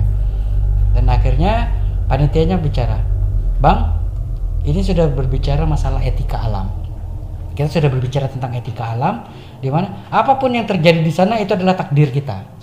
Kita tidak bisa menentang alam ya kan? Dan kita juga jangan menantang alam. Kalau memang kita ni- niat kita adalah diklat insya Allah kita selamat. Itulah yang dipesankan dari panitia ini tadi ya. Walaupun dengan berbicaranya sambil bibir bergetar karena takutan ini tadi ya. Tapi tetap mereka mengandalkan ke satu tangan mengandalkan ke saya Bang Gali sini yang paling tua apa pun itu kami turut kata Bang Gali kami ikut kata Bang Gali kata kata Bang Gali pulang kita pulang. Kalau kata Bang Gali lanjut kita lanjut. Semua perintah Bang Gali kami ikutin. Yang notabene saya bukan senior mereka. Saya hanya orang yang pernah dan ada di saat kejadian. Akhirnya tetap kita berangkat. Lepas isya kita berangkat sampai di lokasi sekitar jam 12 malam. Jadi kita tidak ada lagi namanya eh, adat baca yasin dulu atau tidak karena kita udah nyampe di sana jam 12 malam langsung saya ajak ke prasasti. Mereka langsung saya ajak ke, ke apa prasasti tempat kejadian ini tadi. Ayo kita sama-sama berdoa ya dengan doa kita tadi. Hai kawan kami di sini dengan tujuan pengen diklat duniamu duniamu duniaku duniaku tolong jangan diganggu. Ini adik-adikmu langsung saya tambahkan sekalian. Saya ini adalah adik-adikmu tolong dijaga Ya kan? Selesai? Mulai kita ceritakan lagi ke adik-adik yang 16 orang ini. Di sini adalah senior kalian gini gini gini, gini, gini. sudah? Alhamdulillah. Nah ini alhamdulillahnya nih mas. Adik-adik yang 16 orang tidak diganggu. Adik-adik yang 16 orang itu tidak satu orang pun yang melihat penampakan. Tapi siapa yang dilihat penampakan? 10 orang senior dengan satu orang saya. 11 orang dikasih perwujudan dikasih aktivitas dikasih eksistensi gaib astral. Jasad ada dia sudah tidur sekitar jam 3 malam. Jam 3 malam sudah selesai pada makan istirahat ada ada pada tidur di tendanya masing-masing. Tinggal kami 10 orang. Setelah briefing ya kan briefing besok mau apa acaranya agendanya apa. Dan untuk mengantisipasi penampakan ini sengaja saya lokasikan apa bumper anak-anak itu kira-kira dari lokasi kejadian tuh turun sekitar 15 apa 500 meter. Maksudnya biar si teman-teman ini tidak melihat apakah nanti tenda akan muncul lagi di lokasi. Karena apa? Kejadian sudah-sudah kan tenda muncul di lokasi tuh. Itu kita buat agar adik-adik ini tidak melihat tenda kemunculan tenda lagi. Itu yang saya pikirkan waktu itu. Eh akhirnya kita turun sekitar 500 meter itu posisinya ada di bak kontrol bak kontrol sungai waktu itu di situ briefing selesai ada adik tidur. Kita ngobrol ngobrol-ngobrol ringan diskusi ringan. Jadi si seniornya ini ada yang bentang alam ada yang sudah mulai tertidur istirahat dengan menatap bintang menatap langit bentang alam ini dengan menikmati dinginnya air terjun ya kan dinginnya suasana sungai dan suara-suara alam yang memang penuh misteri. Dan tidak ada satu instrumen pun terindah selain instrumen alam. Gitu.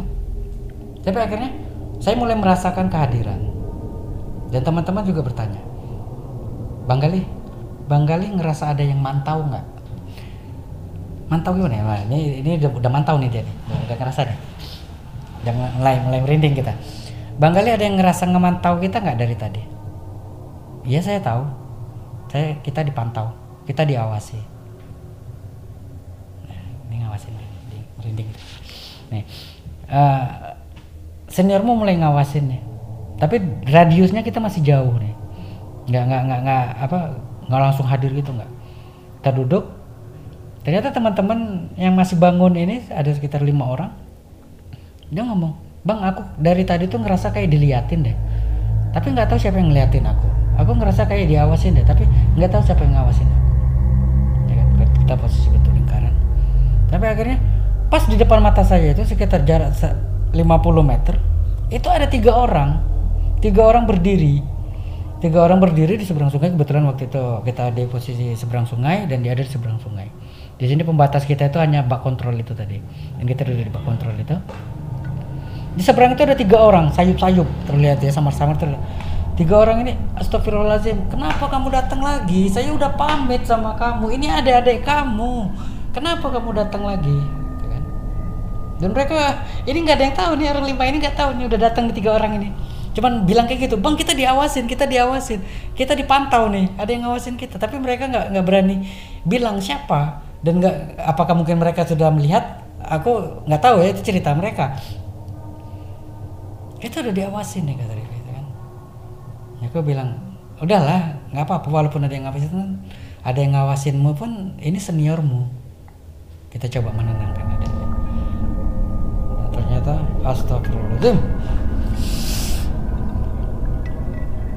kita duduk tiba-tiba nih yang tiga orang ini kita lihat tadi hilang. Di mana mereka? Di sela-sela kita. Jadi misalnya kita berempat ini di sela di sini satu orang sini satu orang sini satu orang. Bertiga duduk di situ. Astagfirullahaladzim jadi apa sampai kita ngobrol tuh cuma nunduk. Nunduk kenapa? Lihat ke kanan teman kita lihat ke kiri teman kita lihat ke depan teman kita. Ini semua gaib bukan kasar ini gaib. Melihat mereka bertiga ini gaib. Dan di saat ini karena tadi ini adalah adik-adik mereka ini yang yang yang sedang ada di situ adalah adik-adik mereka dari SMA negeri. Ternyata si teman-teman kita gaib ini pengen betul menyapa pengen betul menyapa dan pengen memperlihatkan ini loh kebodohan kami dulu. Ini loh kesalahan kami dulu di alam. Dengan memberikan apa? Memberikan bukti memberikan petunjuk. Apa yang kita lihat. Yang sebelah saya kondisi betul seperti kejadian dia meninggal.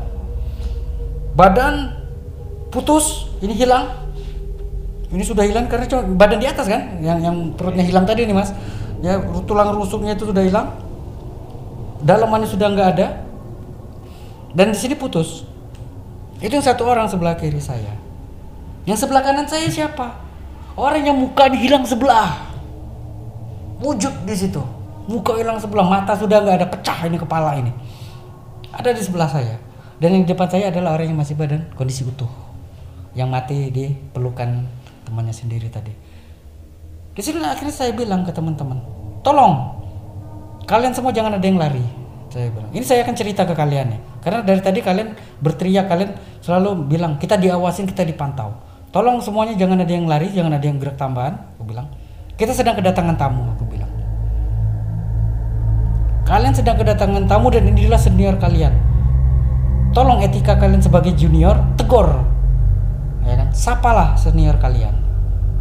Entah gimana tiba-tiba semua teriak. Entahkah ini cuman luapan emosi mereka atau kebetul mereka melihat mereka berteriak bang bang bang gitu dan ternyata mereka melihat seniornya inilah kejadian inilah kesalahan kita di saat kita menentang alam inilah kesalahan kita di saat kita mulai ego mulai merasa hebat di alam inilah kejadiannya dan inilah yang diajarkan sih teman kita yang tiga orang gaib ini untuk memberitahu ke adik-adiknya. Kalau kamu betul-betul ada pecinta alam, ikutin alamnya. Jangan kamu merasa hebat, jangan kamu merasa gagah untuk melawan apa yang ada di alam. Ya kan? Sebelum kejadian mereka meninggal itu, mereka udah meninggalkan perangai kalau kata kami orang Bengkulu. Mungkin kalau kalau bahasa kita itu meninggalkan tabiat, meninggalkan tanda-tanda bahwa mereka hendak pergi kejadian ini mengarahkan saya, pekerjaan ini mengarahkan saya untuk datang kembali ke datar lebar di 2014 akhir. Itu di depan muka loh, di depan muka kita itu. Ini lebih ekstrim daripada minta beras. Ingat betul saya itu. Dia bilang, jenguk kami.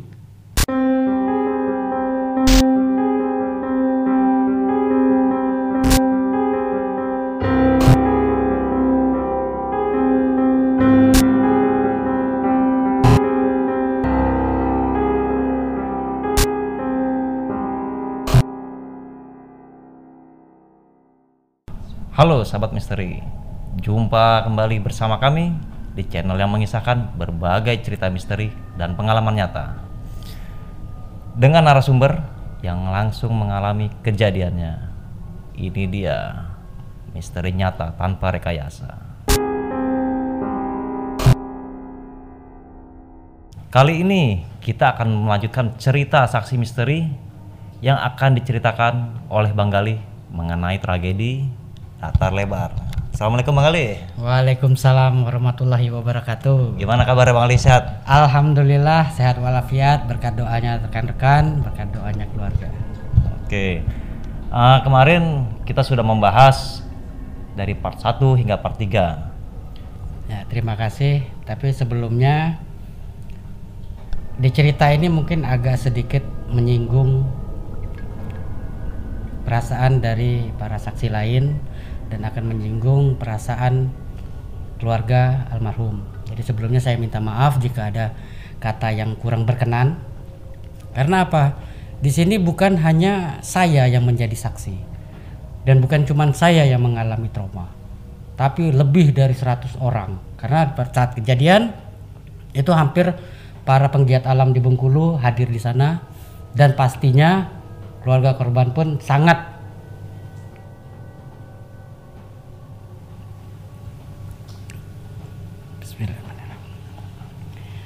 Setelah ekspedisi 2014, kami, saya sendiri sebagai leader saat itu dan adik-adik di Palaspa turun membawa kenangan, turun membawa cerita dan saya pribadi pun ada beban sendiri yang saya pikul. Dalam hal ini saya masih terus bertanya, sebenarnya apa yang diminta? Sebenarnya apa yang salah dan apa yang kurang? Saya pikir, pikir, pikir, pikir, dan itu terbawa sampai ke rumah, terbawa dalam kehidupan saya. Tapi inilah kuasanya Allah.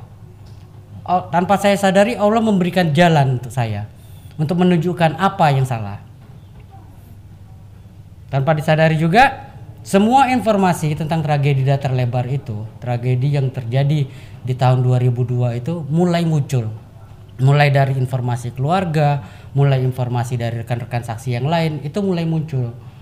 Yang pertama apa? Dari keluarga dan teman-teman itu sering cerita ke gua. Lih, sebenarnya ada cerita yang kita simpan katanya. Sebelum kejadian mereka meninggal itu, mereka udah meninggalkan perangai kalau kata kami orang Bengkulu. Mungkin kalau kalau bahasa kita itu meninggalkan tabiat, meninggalkan tanda-tanda bahwa mereka hendak pergi. Yang pertama, kurang lebih seminggu sebelum uh, keberangkatan mereka berkemah itu, ya kan? Ada salah satu korban ini yang biasanya cuek, sehari-harinya dia anaknya cuek, masa bodoh lah, nggak peduli sama teman-teman yang lain. Tapi dalam satu minggu ini mereka care, dia care dengan teman-temannya, sampai hal-hal kecil aja mereka care, ya kan? Mau ke kantin, dia nanya teman-teman ada yang mau nitip nggak? Gue mau ke kantin nih, ya kan? Atau ada lagi yang bertanya lagi dia, eh lo orang balik jam berapa? Gue bareng dong. Mulai aktif. Interaksinya mereka mulai aktif. Mulai care. Dan dan ini nggak biasa. Tapi ya itulah tadi. Namanya firasat namanya tabiat kita nggak bakal tahu kalau belum kejadian. Nanti setelah kejadian baru tahu oh iya kemarin mereka meninggalkan pesan. Oh iya kemarin mereka udah mulai ngasih tanda-tanda tak lazim. Terus ada lagi korban yang kedua juga kayak gitu juga seminggu sebelum kejadian kurang lebih itu ada ucapan yang kurang-kurang apa ya enggak? Ada ucapan yang agak aneh gitu loh agak mengganggu. Karena apa? Biasanya kalau kita itu kalau di Bengkulu kalau kami anak-anak SMA itu pasti sering bertanya kan woi liburan kok apa lo kak? Jadi maksudnya liburan ini kita ngapain sih? Gitu kan. Terus si, si, si almarhum dia bilang Cak Mano kalau kita liburan kok buka tenda besar, berkemah gedang. Jadi kalau kalau kita artikan tuh gimana kalau liburan ini kita buka tenda yang besar, kita berkemah besar, ya kan? Itu nggak ada yang nggak, nggak ada yang nggak. Anak-anak cuma ngomong apa-apa, negak tenda besar-besar di, di gunung tuh. Biar terjun tuh ngapa lo buka tenda besar. Nggak taunya apa, ini adalah isyarat dari dia, pesan dia bahwa apa? Setelah meninggal ternyata apa? Di rumah dia berdiri tenda besar. Tenda apa? Tenda taruh tenda hajat itu. Ini jadi yang dia maksud dengan tenda besar itu tadi. Tenda besar itu itu yang dimaksud. Bukan dia mendirikan tenda yang besar di sana. Yang kenapa kita tahu lah ukuran-ukuran tenda-tenda kita zaman konvensional palingan isi 4 isi 8 ya kan? Isi 4 di isi 8 isi 8 kita isi 12 kan gitu kejadiannya. Terus ada lagi satu lagi. Almarhum juga. Ini adalah orang yang kalau bahasa kita sekarang itu anaknya selonong boy. Pergi nggak pamitan? Ke mana aja nggak tahu pulang jam berapa? Mau perginya ke mana? Itu nggak pernah pamitan ke orang tua. Tapi pas di detik-detik terakhir dia mau berangkat mau berangkat camping gitu si almarhum bisa-bisanya itu mendatangi kedua orang tuanya. Orang tuanya lagi duduk ya kan? Orang tuanya lagi duduk di teras itu. Dia datengin kedua orang tuanya dia bilang mak mbak aku ndak pakai berkemah. Tolong diizinkan. Terus orang tuanya bilang wah apa lo kak kamu tuh kemah-kemah tuh ngapain lo kemah-kemah? Tolong lama izinkan. Ini aku janji katanya. Ini pe aku berkemah nih kemah pertama aku dan aku janji ini terakhir untuk aku kemah.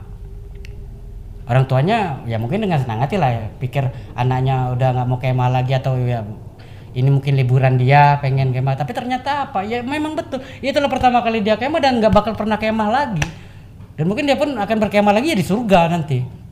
Ya kan? Kita nggak ada yang itulah yang namanya firasat. Semua meninggalkan tabiat. Ya kan?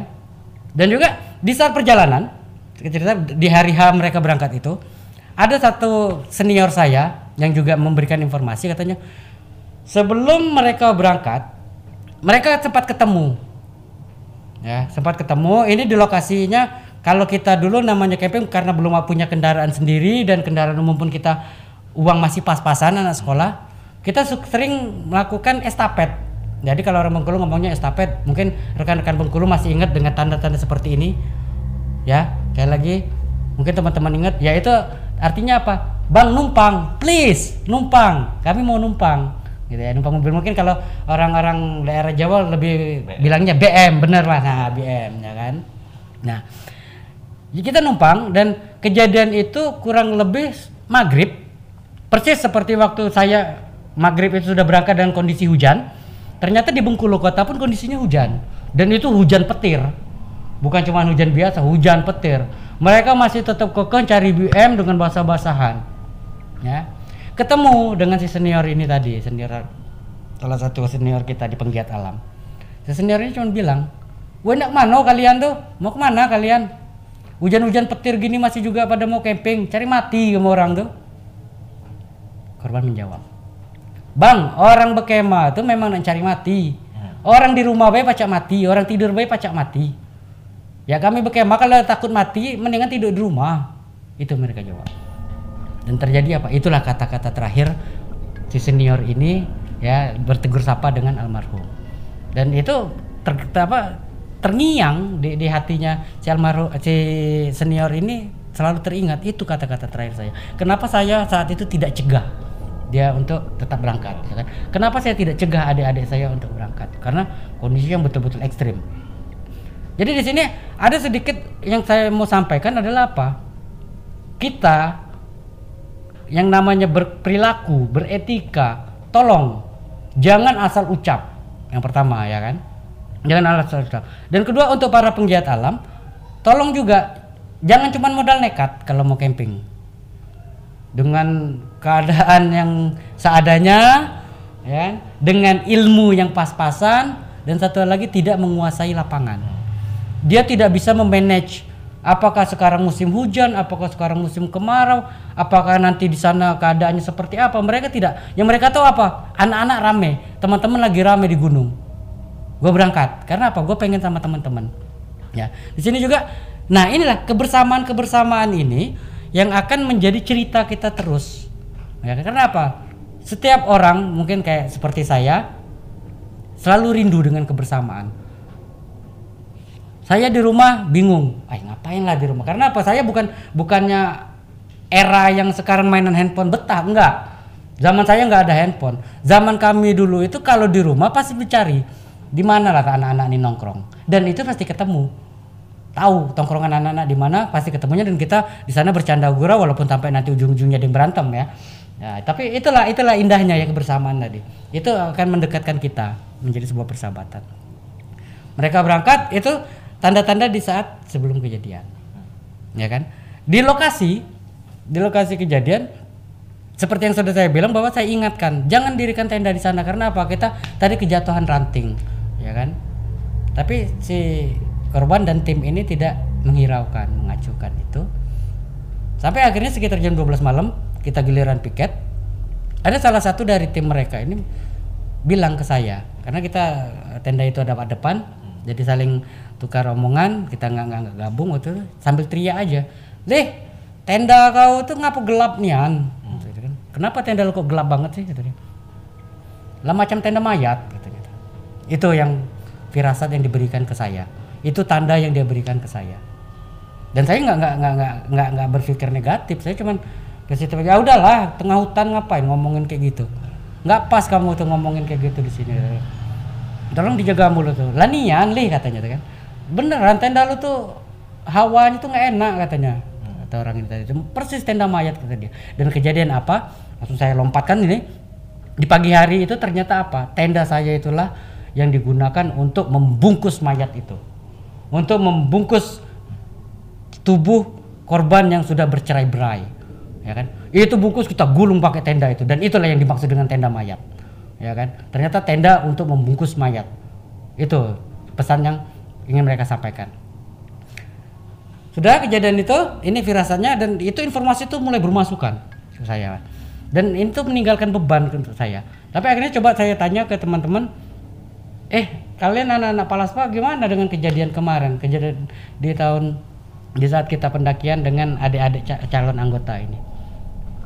Alhamdulillah adik-adik yang lain nggak nggak ada informasi bahwa mereka apakah ada beban atau apa tidak. Tapi mungkin saya yakin mereka punya cerita sendiri. Yang punya cerita silakan nanti komen. Tapi ada satu hal yang saya saya agak seneng ini ya. Ternyata ada seniornya yang bilang dengan kejadian itu insya Allah mereka punya rencana untuk melakukan tahlil rutin.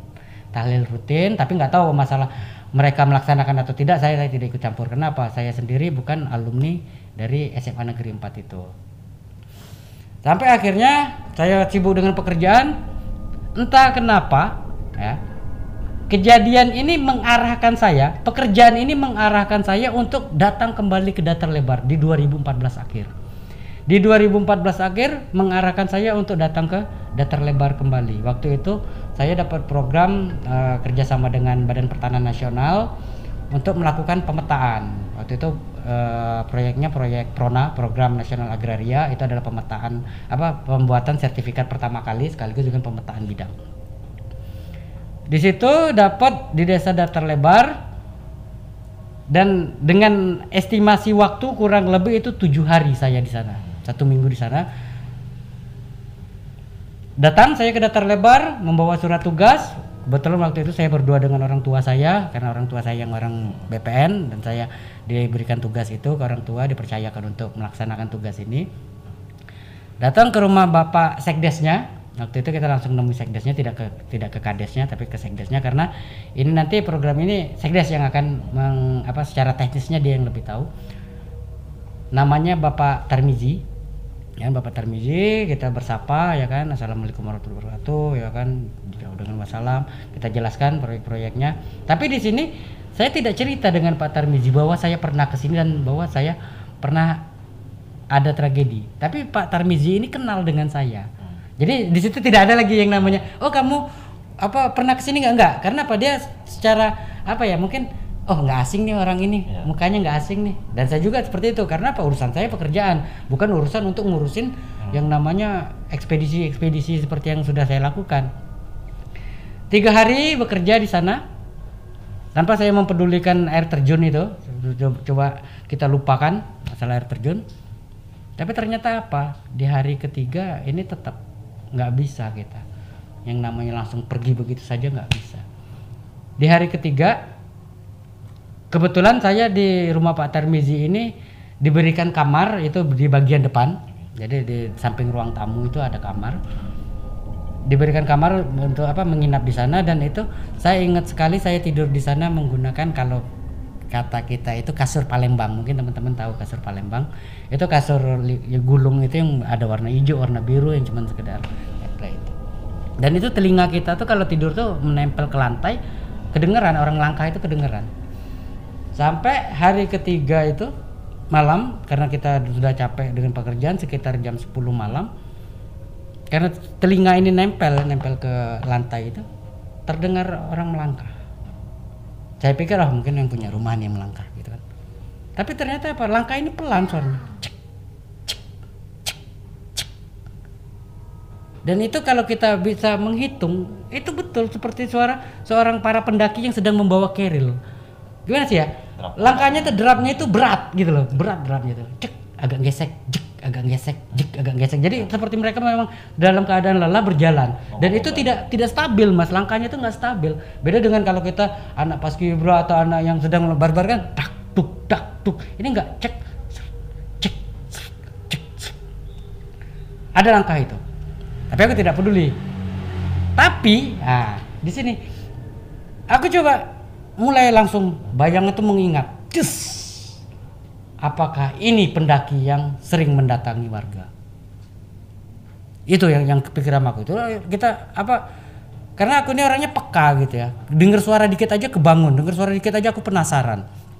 Di situ langsung melayang nih. Pikiran aku langsung melayang apakah dia ini si pendaki ini si pendaki yang katanya suka datang minta beras itu kan? Ternyata apa? Di tidurku ini di posisi tidur itu kebetulan aku posisi tidurnya badannya miring ya kan? Aku nggak bisa tidur telentang karena agak susah. Dan tidur tengkurup juga aku nggak suka. Tidur miring dengan posisi mata setengah terbuka itu di depan muka loh. Di depan muka kita itu ini lebih ekstrim daripada minta beras. Astagfirullahaladzim. Di depan muka saya itu orang tidur dengan kepala itu pecah. Depan muka gitu. Kita tidur ya, tidur. Almarhum datang depan muka. Dilema. Teriak jangan. Hati udah berteriak, hati udah berteriak, tapi mulut terkunci. Nggak tahu mau ngomong apa. Dan aku juga bisa ngerasain di belakangku ini ada. Posisi tidur itu di belakang punggungku seperti ada yang tidur juga, tapi nggak tahu siapa gitu loh. Ya kan?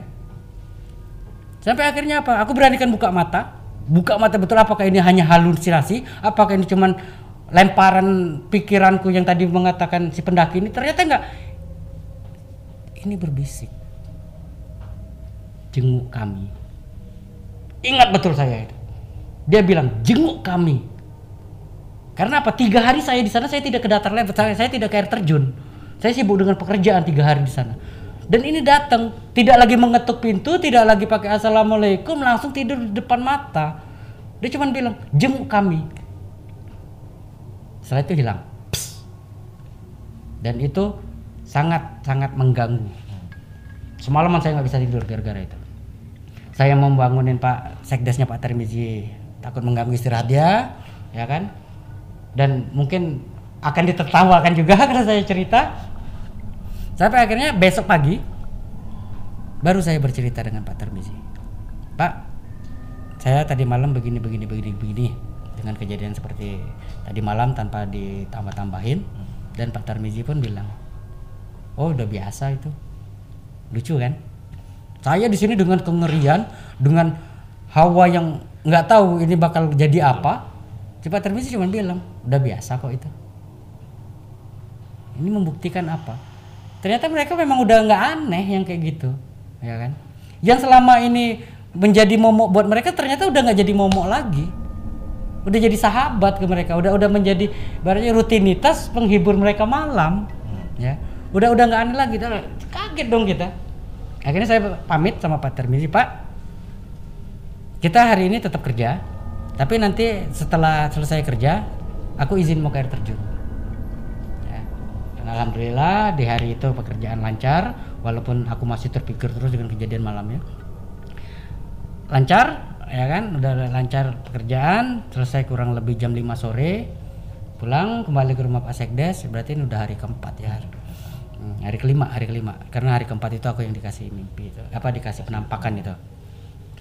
Hari kelima beres-beres badan udah mandi udah enak aku bilang lagi sebelum maghrib sebelum sholat maghrib bilang ke Pak Tarmizi karena kita juga kan biasa sholat maghrib berjamaah dengan Pak Tarmizi ya ini.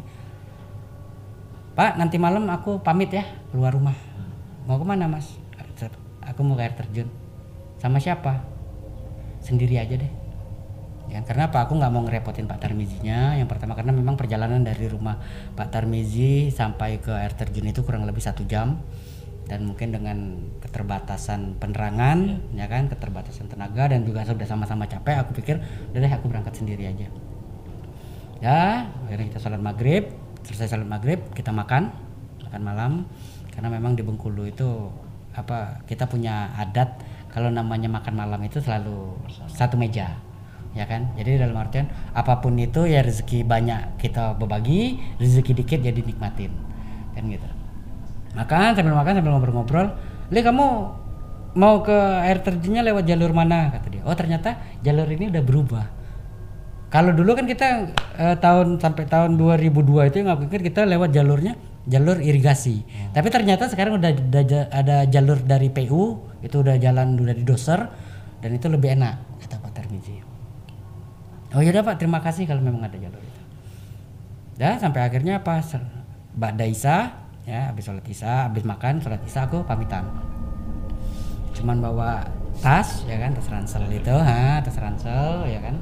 Isinya cuman ya nggak banyak cuman air minum sebenarnya isinya gitu kan. Cuman nggak enak pula kalau kita tenteng-tenteng pakai kantong plastik kan nggak enak. Pakai tas isi air minum nggak banyak dibekalin satu senter. Aku mulai jalan dengan dengan ya itu tadi. Apa sih maunya lu orang? Apa sih maunya dia? Kok sampai bilang jenguk kami kata dia gitu kan udah jalan sampai di persimpangan nanti ke, kalau kita setelah SD itu ketemu persimpangan nah di sini persimpangannya ini ternyata aku dulu mendaki datar lebar itu lewat kanan. Ya kan? Itu langsung nanjak irigasi. Tapi ternyata sekarang jalurnya sebelah kiri. Landai. Yang lebih landai dan jalurnya udah udah rata lah. Nanti ini ngel- apa ngelewatin kebun kopi sama kebun durian. Kalau yang lewat jalur baru ini, kalau lewat jalur yang lama itu ya kita cuma ngikutin irigasi air itu aja kan. Tapi di sini malah timbul timbul keraguan. Aku jalur baru nggak tahu loh, Hmm. ya kan? Tapi akhirnya apa? Aku putuskan untuk lewat jalur lama. Walaupun jalur lama ini udah nggak pernah dilewatin orang dan itu sudah kalau informasi dari Pak Tarmizi itu udah jadi hutan kelambu kalau kata kami itu hutan kelambu itu hutan-hutan kecil itu ya jadi itu udah nggak kelihatan jalur itu dan irigasinya pun yang dulu bentuknya siring kalau kata kami sekarang udah dirubah ke dalam bentuk pipa ya kan udah nggak kelihatan lagi tapi nggak tahu ya kita aku ambil jalur kanan dan ambil jalur itu tiba-tiba kayak tabir itu muka seperti aku kembali ke tahun-tahun aku ndaki dulu. Jalan ini terang, jalan ini jelas. Dan itu aku lewatin. Aku cuma ya Allah ya Allah tunjukin aku jalan, cuman itu aja. Ya Allah tunjukin aku jalan. Dan itu kita lewat tuh. Jalur yang harusnya ini udah udah hutan kelambu, itu aku lewatin. Nggak ada satupun yang namanya kayu melintang di jalan atau duri rotan yang nyangkut di badan kita tuh nggak ada. Lewat sampai akhirnya aku di atas ketemu satu pondok.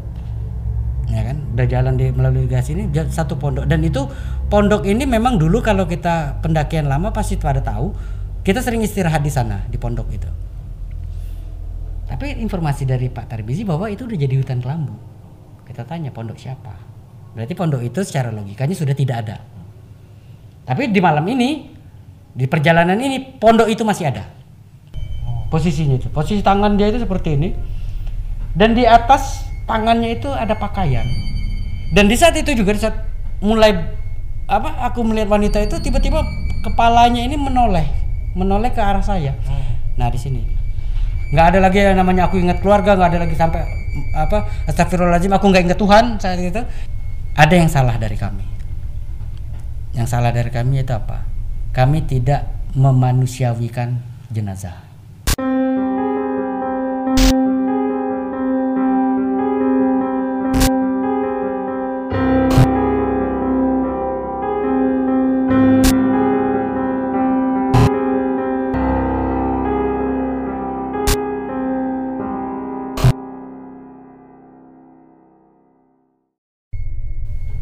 itu di depan muka loh. Di depan muka kita itu. Ini lebih ekstrim daripada minta beras. Astagfirullahaladzim. Di depan muka saya itu orang tidur dengan kepala itu pecah. Ingat betul saya itu. Dia bilang jenguk kami. Tapi nggak tahu ya. Kita aku ambil jalur kanan jalur itu tiba-tiba kayak tabir itu muka seperti aku kembali ke tahun-tahun aku ndaki dulu. Jalan ini terang, jalan ini jelas.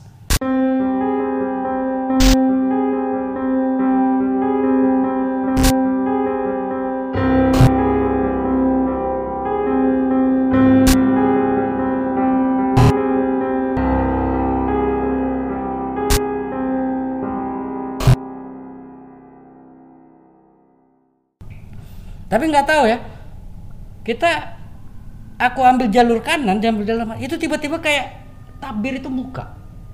Seperti aku kembali ke tahun-tahun aku ndaki dulu jalan ini terang jalan ini jelas. Dan itu aku lewatin. Aku cuma ya Allah alam ya Allah tunjukin aku jalan cuman itu aja. Ya Allah tunjukin aku jalan. Dan itu kita lewat tuh. Jalur yang harusnya ini udah udah hutan kelambu itu aku lewatin. Nggak ada satupun yang namanya kayu melintang di jalan atau duri rotan yang nyangkut di badan kita tuh nggak ada. Lewat sampai akhirnya aku di atas ketemu satu pondok. Ya kan? Udah jalan di melalui gas ini satu pondok. Dan itu pondok ini memang dulu kalau kita pendakian lama pasti pada tahu kita sering istirahat di sana di pondok itu. Tapi informasi dari Pak Tarbizi bahwa itu udah jadi hutan kelambu. Kita tanya pondok siapa? Berarti pondok itu secara logikanya sudah tidak ada. Tapi di malam ini di perjalanan ini pondok itu masih ada. Tempat kami biasa istirahat ya kan bertukar cerita atau nanti ketemu para pendaki yang turun kita bertukar natura bertukar logistik ya kan. Makanan-makanan sisa dikasih ke yang baru berangkat yang baru berangkat pun akan menginformasikan di bawah lagi apa di bawah ada apa itu kan menginformasikan. Di sini tempat kita sering bercengkrama sesama para pendaki. Di pondok ini aku kalau dalam di malam ini yang seperti aku bilang yang seharusnya tidak ada tapi ternyata ini terbuka jelas, itu kondisinya persis seperti zaman kita dulu sering mendaki. Kondisinya bagus dengan kalau teman-teman tahu zaman kami dulu mendaki itu belum ada listrik. Jadi orang masih pakai lampu minyak. Nah, tapi di sini lucunya nih ya. Pondok ini aku cuman aku lewatin dan itu kelihatan dalam pondok itu ada yang menyala. Ada lampu menyala, lampu minyak itu menyala kan. Astagfirullahaladzim. Lampu minyak ini menyala. Itu mulai terdengar suara gadis. Suara wanita di situ. Yang kita nggak tahu. Secara logikanya ngapain wanita ini ada di pondok itu dan untuk apa? Suaranya apa? Dia sedang mengaji. Wanita ini sedang mengaji di pondok itu. Ya. Dengan suara yang halus ya. Sayup halus banget suara itu. Betul-betul harus cuman di telinga itu cuman seperti Bismillahirrahmanirrahim. Itu sayup dengar dan saya mulai tanda tanya lagi, apakah saya harus saya datangi atau saya lewati? Karena apa? Di agama saya mengatakan kalau ada orang mengaji dengerinlah karena apa? Ada pahalanya. Tapi saya secara logika saya mikir siapa yang ngaji? Ya, kan? kita nggak tahu apakah ini betul manusia yang ngaji atau orang-orang kebon di sana pengen ngaji atau siapa kita nggak tahu. Sampai akhirnya saya putuskan cuman saya berhenti, saya duduk, tapi tidak saya datangi. Karena apa? Tujuan saya adalah bukan untuk mendengarkan dia mengaji. Tujuan saya adalah air terjun datar lebar. Sampai akhirnya suara itu tidak selesai-selesai dan saya pikir oh, udah cukuplah pahala yang saya terima mendengarkan, nggak perlu sampai selesai. Teruskan perjalanan sampai di bendungan. Jadi ada kalau kita belum sebelum nyampe air terjun itu nanti kita akan ketemu bendungan, ya kan? Ketemu bendungan, saya istirahat di bendungan itu. Nah di bendungan ini juga ada sesuatu eksistensi yang men, apa yang yang menuntun saya untuk air terjun dan terlebar. Tiba-tiba kita lagi duduk gini di air terjun itu karena air terjun ini tempatnya agak lapang, ada batu besar satu, saya duduk di atas batu besar itu. Di bawah batu ini lewat anak kecil. Hmm. Kalau kami dulu ngomongnya hantu kurcaci. Ini lewat anak kecil. Muter-muter di batu. Saya duduk gitu kan. Mau ditegur takut ganggu dia main, ya kan? Karena posisi apa? Saya sendiri, di sini saya sendiri. Dia muter-muter muter-muter muter-muter. Sampai akhirnya saya putuskan, wah ini bakal ganggu saya ini. Kalau saya di sini terus nanti nyerang saya nih. Ternyata enggak. Saya turun dari batu, lompat dari batu besar yang di, pas di samping bendungan itu. Tiba-tiba satu kurcaci ini satu anak kecil ini ber, ada di depan saya. Jadi kalau kita melakukan itu dia langsung masuk ke barisan depan dan ada kurang lebih empat atau lima anak kecil ini ada di belakang saya, ya kan? Ada empat atau lima anak kecil itu belakang saya. Jadi seperti saya itu dituntun untuk melewati jalur dari bendungan, nanti bakal ketemu bak kontrol, bak kontrol baru ketemu air terjun. Selama perjalanan itu dituntun dan mereka sibuk dengan mainan mereka aja. Ada yang bermain bola, ada yang membawa kalau kata kita tuh apa ya mobil-mobilan. Ah, bawa mobil-mobilan itu dengan ketawa-ketawa mereka. Saya nggak tahu ini siapa. Tapi di sini cuman saya bukan bukan bukan lagi rasa takut yang timbul di diri saya. Malah saya senang. Karena apa? Saya punya teman dalam perjalanan ini. Entahkah itu nyata, entahkah itu kasar, entahkah itu goib. Saya cuma merasa senang bahwa saya punya teman. Jalan dan berhenti di bak kontrol yang saya cerita di saat terakhir saya datang itu. Si anak-anak kecil ini turun dan saya istirahat di bak kontrol itu, cuci muka, mulai membasahi badan lagi. Dah, lanjutkan perjalanan ke air terjun udah terlebar kurang lebih 500 meter lagi lah setengah kilo lagi nyampe. Di air terjun udah terlebar karena ini bentuknya memang sudah hutan kelambu jadi air terjun datar lebar ini bentuknya udah hutan kelambu tidak ada lagi tempat istirahat atau bonus atau atau yang namanya tempat untuk kita sekedar meluruskan kaki. Kita harus pa- apa tempat yang paling lapang yaitu depan air terjun itu. Nah di depan air terjun itu saya cuman mengingat saya dulu tahlil di sini. Saya tidak langsung datang ke lokasi kejadian. Saya tidak langsung datang ke tempat kita mendirikan prasasti itu dan saya tidak langsung berpamitan apa datang untuk berpamit ke mereka. Yang saya lakukan pertama adalah apa? Ke air terjun saya ambil airnya dengan senter ini tadi saya taruh di atas batu. Ini batu, ini air ya telaganya itu. Dengan senter ini ngarah ke saya, ya. saya cuci muka, cuci muka dan penerangan itu. Tiba-tiba si senter ini muter, muter langsung nembak cahayanya itu ke arah air terjun itu. Ya kan? Nunjuk air terjun itu. Ini saya setengah berani setengah berani nih ya. Cuman positif aja mungkin ketiup angin nih. Saya ambil center ya kan? saya ambil saya lurusin lagi saya arahin lagi ke saya. Ya kan? Sambil cuci muka cuci badan itu. Ya. dua kali muter lagi gerak lagi. Set. di sini udah nggak benar nih ini udah bikin lucu buat saya nih kan ini nggak bener center gerak sendiri kan kita nggak logis lah ah ini cari penyakit ini center nih gitu kan. Di sini tapi saya nggak nggak ambil center ini mas. Ya kan? Saya biarin saya lihat arahnya ke mana nih cahaya. Saya lihat ke air terjun datar lebar. Jadi di air terjun datar lebar itu air, di jatuhnya air itu nanti ada batang eh, apa ada batu besar. Nanti baru airnya lewat bawah. Dan center itu mengarah ke batu besar. Dan di situ Mungkin teman-teman tahu kalau baju adat Bengkulu itu seperti apa. Jadi di sini mulai tuh apa hadir sosok baru. Sebenarnya nggak sosok baru, ini adalah urbannya urbannya datar lebar sebenarnya ya. Bukan sosok baru. Tapi maksud aku sosok baru sini bukan bukan si almarhum yang tiga ini, ya. tapi ini adalah sosok lain. Itu kalau kita lihat dari center itu wanita dengan pakaian adat warna merah itu, pakaian adat warna merah, pakaian adat Bengkulu itu dengan pernak-pernik emasnya itu ya kan? Dengan rambut ditarik ke belakang panjang depannya tergurai belakang ini. Dengan muka menunduk kukunya panjang. Karena center saya ini lumayan bagus nih ya. Itu dia seperti ini mas. Posisinya itu. Posisi tangan dia itu seperti ini. Dan di atas tangannya itu ada pakaian. Saya nggak tahu maksudnya apa. Ya kan? Si wanita ini membawa pakaian seperti akan menyerahkan kepada saya Mas pakai baju dong atau hmm. apalah ya kan? Atau ini ada pakaian atau ini ada yang tertinggal atau apa saya nggak ngerti ya kan? Dan di saat itu juga di saat mulai apa aku melihat wanita itu tiba-tiba kepalanya ini menoleh menoleh ke arah saya. Hmm. nah di sini. Di saat mata saling lihat mulai saling temu tak mulai pikiran dis mulai saya mengingat apa salahnya? Apa salahnya? Apa salahnya? Bagaimana kejadian saat itu? Bagaimana kejadian saat itu? Situ muter. Ya langsung flashback di situ. Nggak ada lagi yang namanya aku ingat keluarga nggak ada lagi sampai apa astagfirullahaladzim aku nggak ingat Tuhan saat itu. Yang aku ingat cuman kejadian saat itu apa? Kejadian saat itu apa? Karena apa? Aku dari rumah niatkan untuk menjenguk si teman.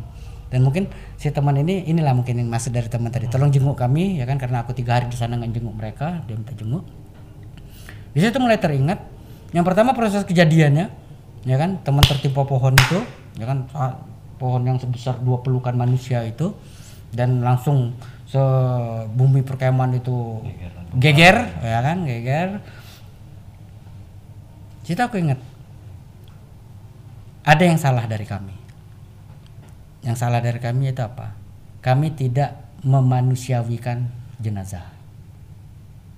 Tapi memang sebenarnya tidak ada niat untuk kami tidak memanusiawikan ya kan si jenazah waktu dievakuasi itu yang dua orang udah udah di luar apa udah udah berhasil dievakuasi tinggal satu orang yang tertimpa di bawah pohon ini. Yang tertimpa di bawah pohon dan itu kurang lebih masuk satu jengkal di bawah tanah itu. Karena apa kita berpikirnya dulu gini loh. Nggak ada alat ya kan untuk mengevakuasi. Pengetahuan kami yang minim ya kan. Dan kami cuma pikir cepat evakuasi cepat evakuasi. Tidak berpikir dengan cara sebaiknya apa kita nggak berpikir. Di situ kita rame-rame dan kebetulan aku ikut membantu. Kita mau coba angkat nggak? Kuat angkat ya kan? Kita coba akhirnya apa? Tanahnya yang kita gali. Jadi kalau ini pohon tanah itu kita keruk. Itu kerukin ada yang pakai golok ada yang pakai tangan ya kan? Seadanya ada yang pakai kayu puntung dikerok biar badan ini bisa kita tarik maksudnya kayak gitu kan. Kita bikin lorong di bawah pohon itu. Tapi ternyata apa? Udah berhasil kita keruk. Di saat mau kita tarik ternyata apa? Badan ini udah lepas. Tarik. Cek! Lepas. Ya. ini dilepas cuman kita lucu nih. Ini badan tapi nggak punya kaki. Ya kan? Nggak nggak pakai pikir panjang. Badan diangkut setengah badan langsung taruh dalam tenda dan yang aku bilang tenda mayat tadi gitu ya. Dan PR sebelah selanjutnya apa? Yang sebelahnya kita keruk lagi. Ketemulah pinggul ke bawah itu ya pinggul paha ke bawah. Tarik ya kayak gitu posisi udah lepas. Dan apa? Ya darah apa? Tanah itu udah bau darah mas. Di tanah itu udah nyecer yang namanya usus itu udah nyecer di sana. Jadi untuk keluarga mohon maaf mungkin kalau perlu disensor silakan disensor karena ini mungkin akan bikin trauma buat keluarga. Ini udah apa berantakan di situ. Kita udah nggak kepikiran ini lagi deh. Kita udah nggak pikiran di sinilah kami tidak manusiawinya. Kami sudah tidak kepikiran dengan apa namanya eh jeroan ya dalamannya ini usus dan segala macam. Kami hanya berpikir dengan yang tertinggal yang tersisa.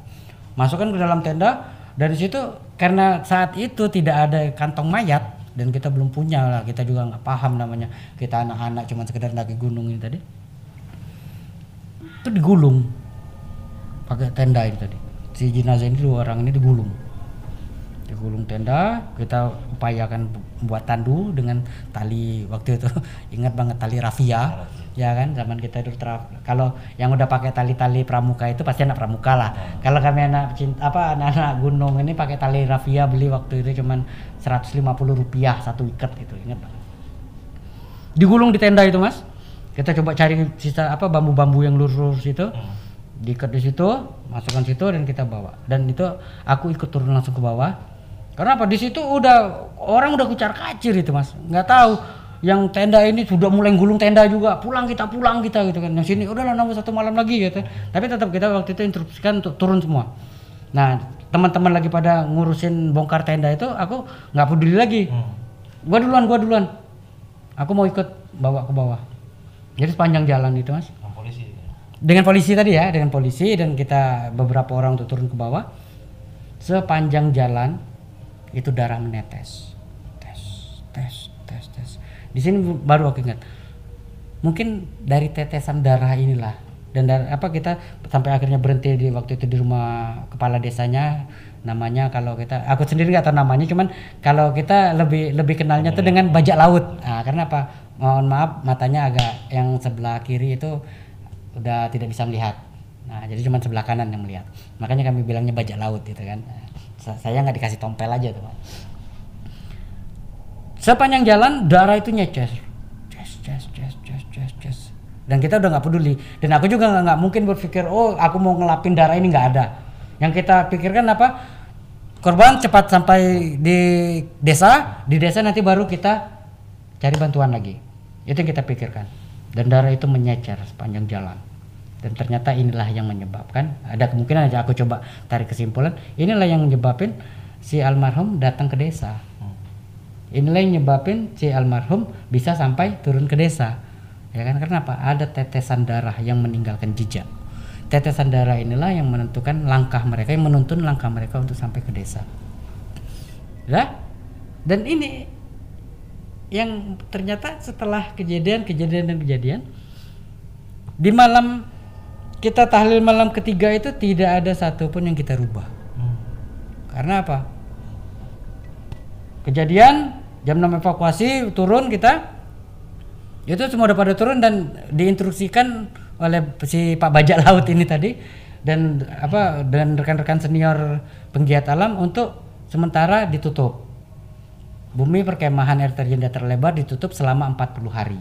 Bukan hanya tiga hari tapi selama 40 hari ya kan? Dan bahkan sa- saat kita tahlil di malam ketiga itu kondisi masih tetap seperti itu ya kan? Dan tenda itu muncul di samping pohon tumbang ini ya kan? Yang aku ceritakan di part sebelumnya. Dan malam ketujuh pun juga tetap tidak ada yang berubah sampai akhirnya nanti di hari kedelapannya itu kita bikin prasasti di samping pohon itu. Jadi pohon ini tidak kita rubah posisinya tetap seperti itu dan tanah itu yang masih berserakan di sana cuman sudah tidak kita lihat lagi apakah di situ masih ada apa eh, bagian tubuh yang tertinggal itu tidak ada dan apakah kita nggak tahu ya apakah ini sudah dimakan cacing apakah ini sudah busuk dengan bakteri atau mungkin ada binatang-binatang liar lain yang mencoba untuk me- apa mengembalikan bumi ini jadi bersih ya kan dengan caranya ya tidak ada lagi bangkai di situ. Dah?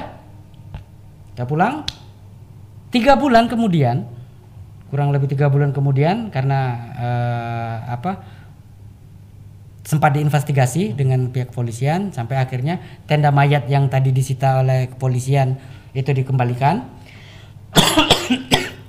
dikembalikan pada kami dan tustel beserta klisenya dikembalikan pada kami. Di sini tustel dan klise ini yang jadi momok. Kalau tenda itu langsung kita gulung, nggak kita buka-buka lagi, kita masukin peti. Kebetulan masih apa barangnya sampai sekarang masih ada itu di sekretariat kita masih ada tendanya itu dan tidak ada satu orang pun lagi yang berani makainya. Si kamera dan tustel ini dikembalikan, tapi entah yang kita tahu kamera ini nggak tersentuh darah di saat kejadian karena apa selalu dipegang untuk mengambil foto. Tapi pas dikembalikan ini bau bau anyir darah, bau anyir amis amis darah itu. Dan secara logikanya kalau udah tiga bulan mah hilang mungkin. Mungkin ya. Nah, karena aku nggak tahu betul apa secara kimianya seperti apa apakah darah ini selama tiga bulan masih akan terus tercium baunya kita nggak tahu. Tapi kejadian di lapangannya itu bau darah. Dan klisenya ini tidak ada satu orang pun dari kami yang berani menyimpan klise apalagi sampai mencetak ya kan? Sampai akhirnya kita putuskan untuk kita bakar klise ini karena apa? Mau lempar sini nggak mau pegang lempar sini nggak mau pegang sini nggak mau pegang. Dan itu kita bakar. Astagfirullahaladzim. Asapnya itu bakar karena klise ini kan bakarnya dia akan keluar asap hitam. Benar nggak? Klise itu kalau dibakar dia keluar asap hitam. Dari asap hitam itulah mas. Baunya itu bukan seperti bau gosong tapi apa? Bau darah dan bangkai. Mana sih lo cium bau darah dicampur bau busuk bangkai itu. Dari klise ini tadi. Sampai akhirnya apa? Kita waktu bakar itu udah nggak berani nggak berani komentar. Itu itu dicium masing-masing dan cuma diem.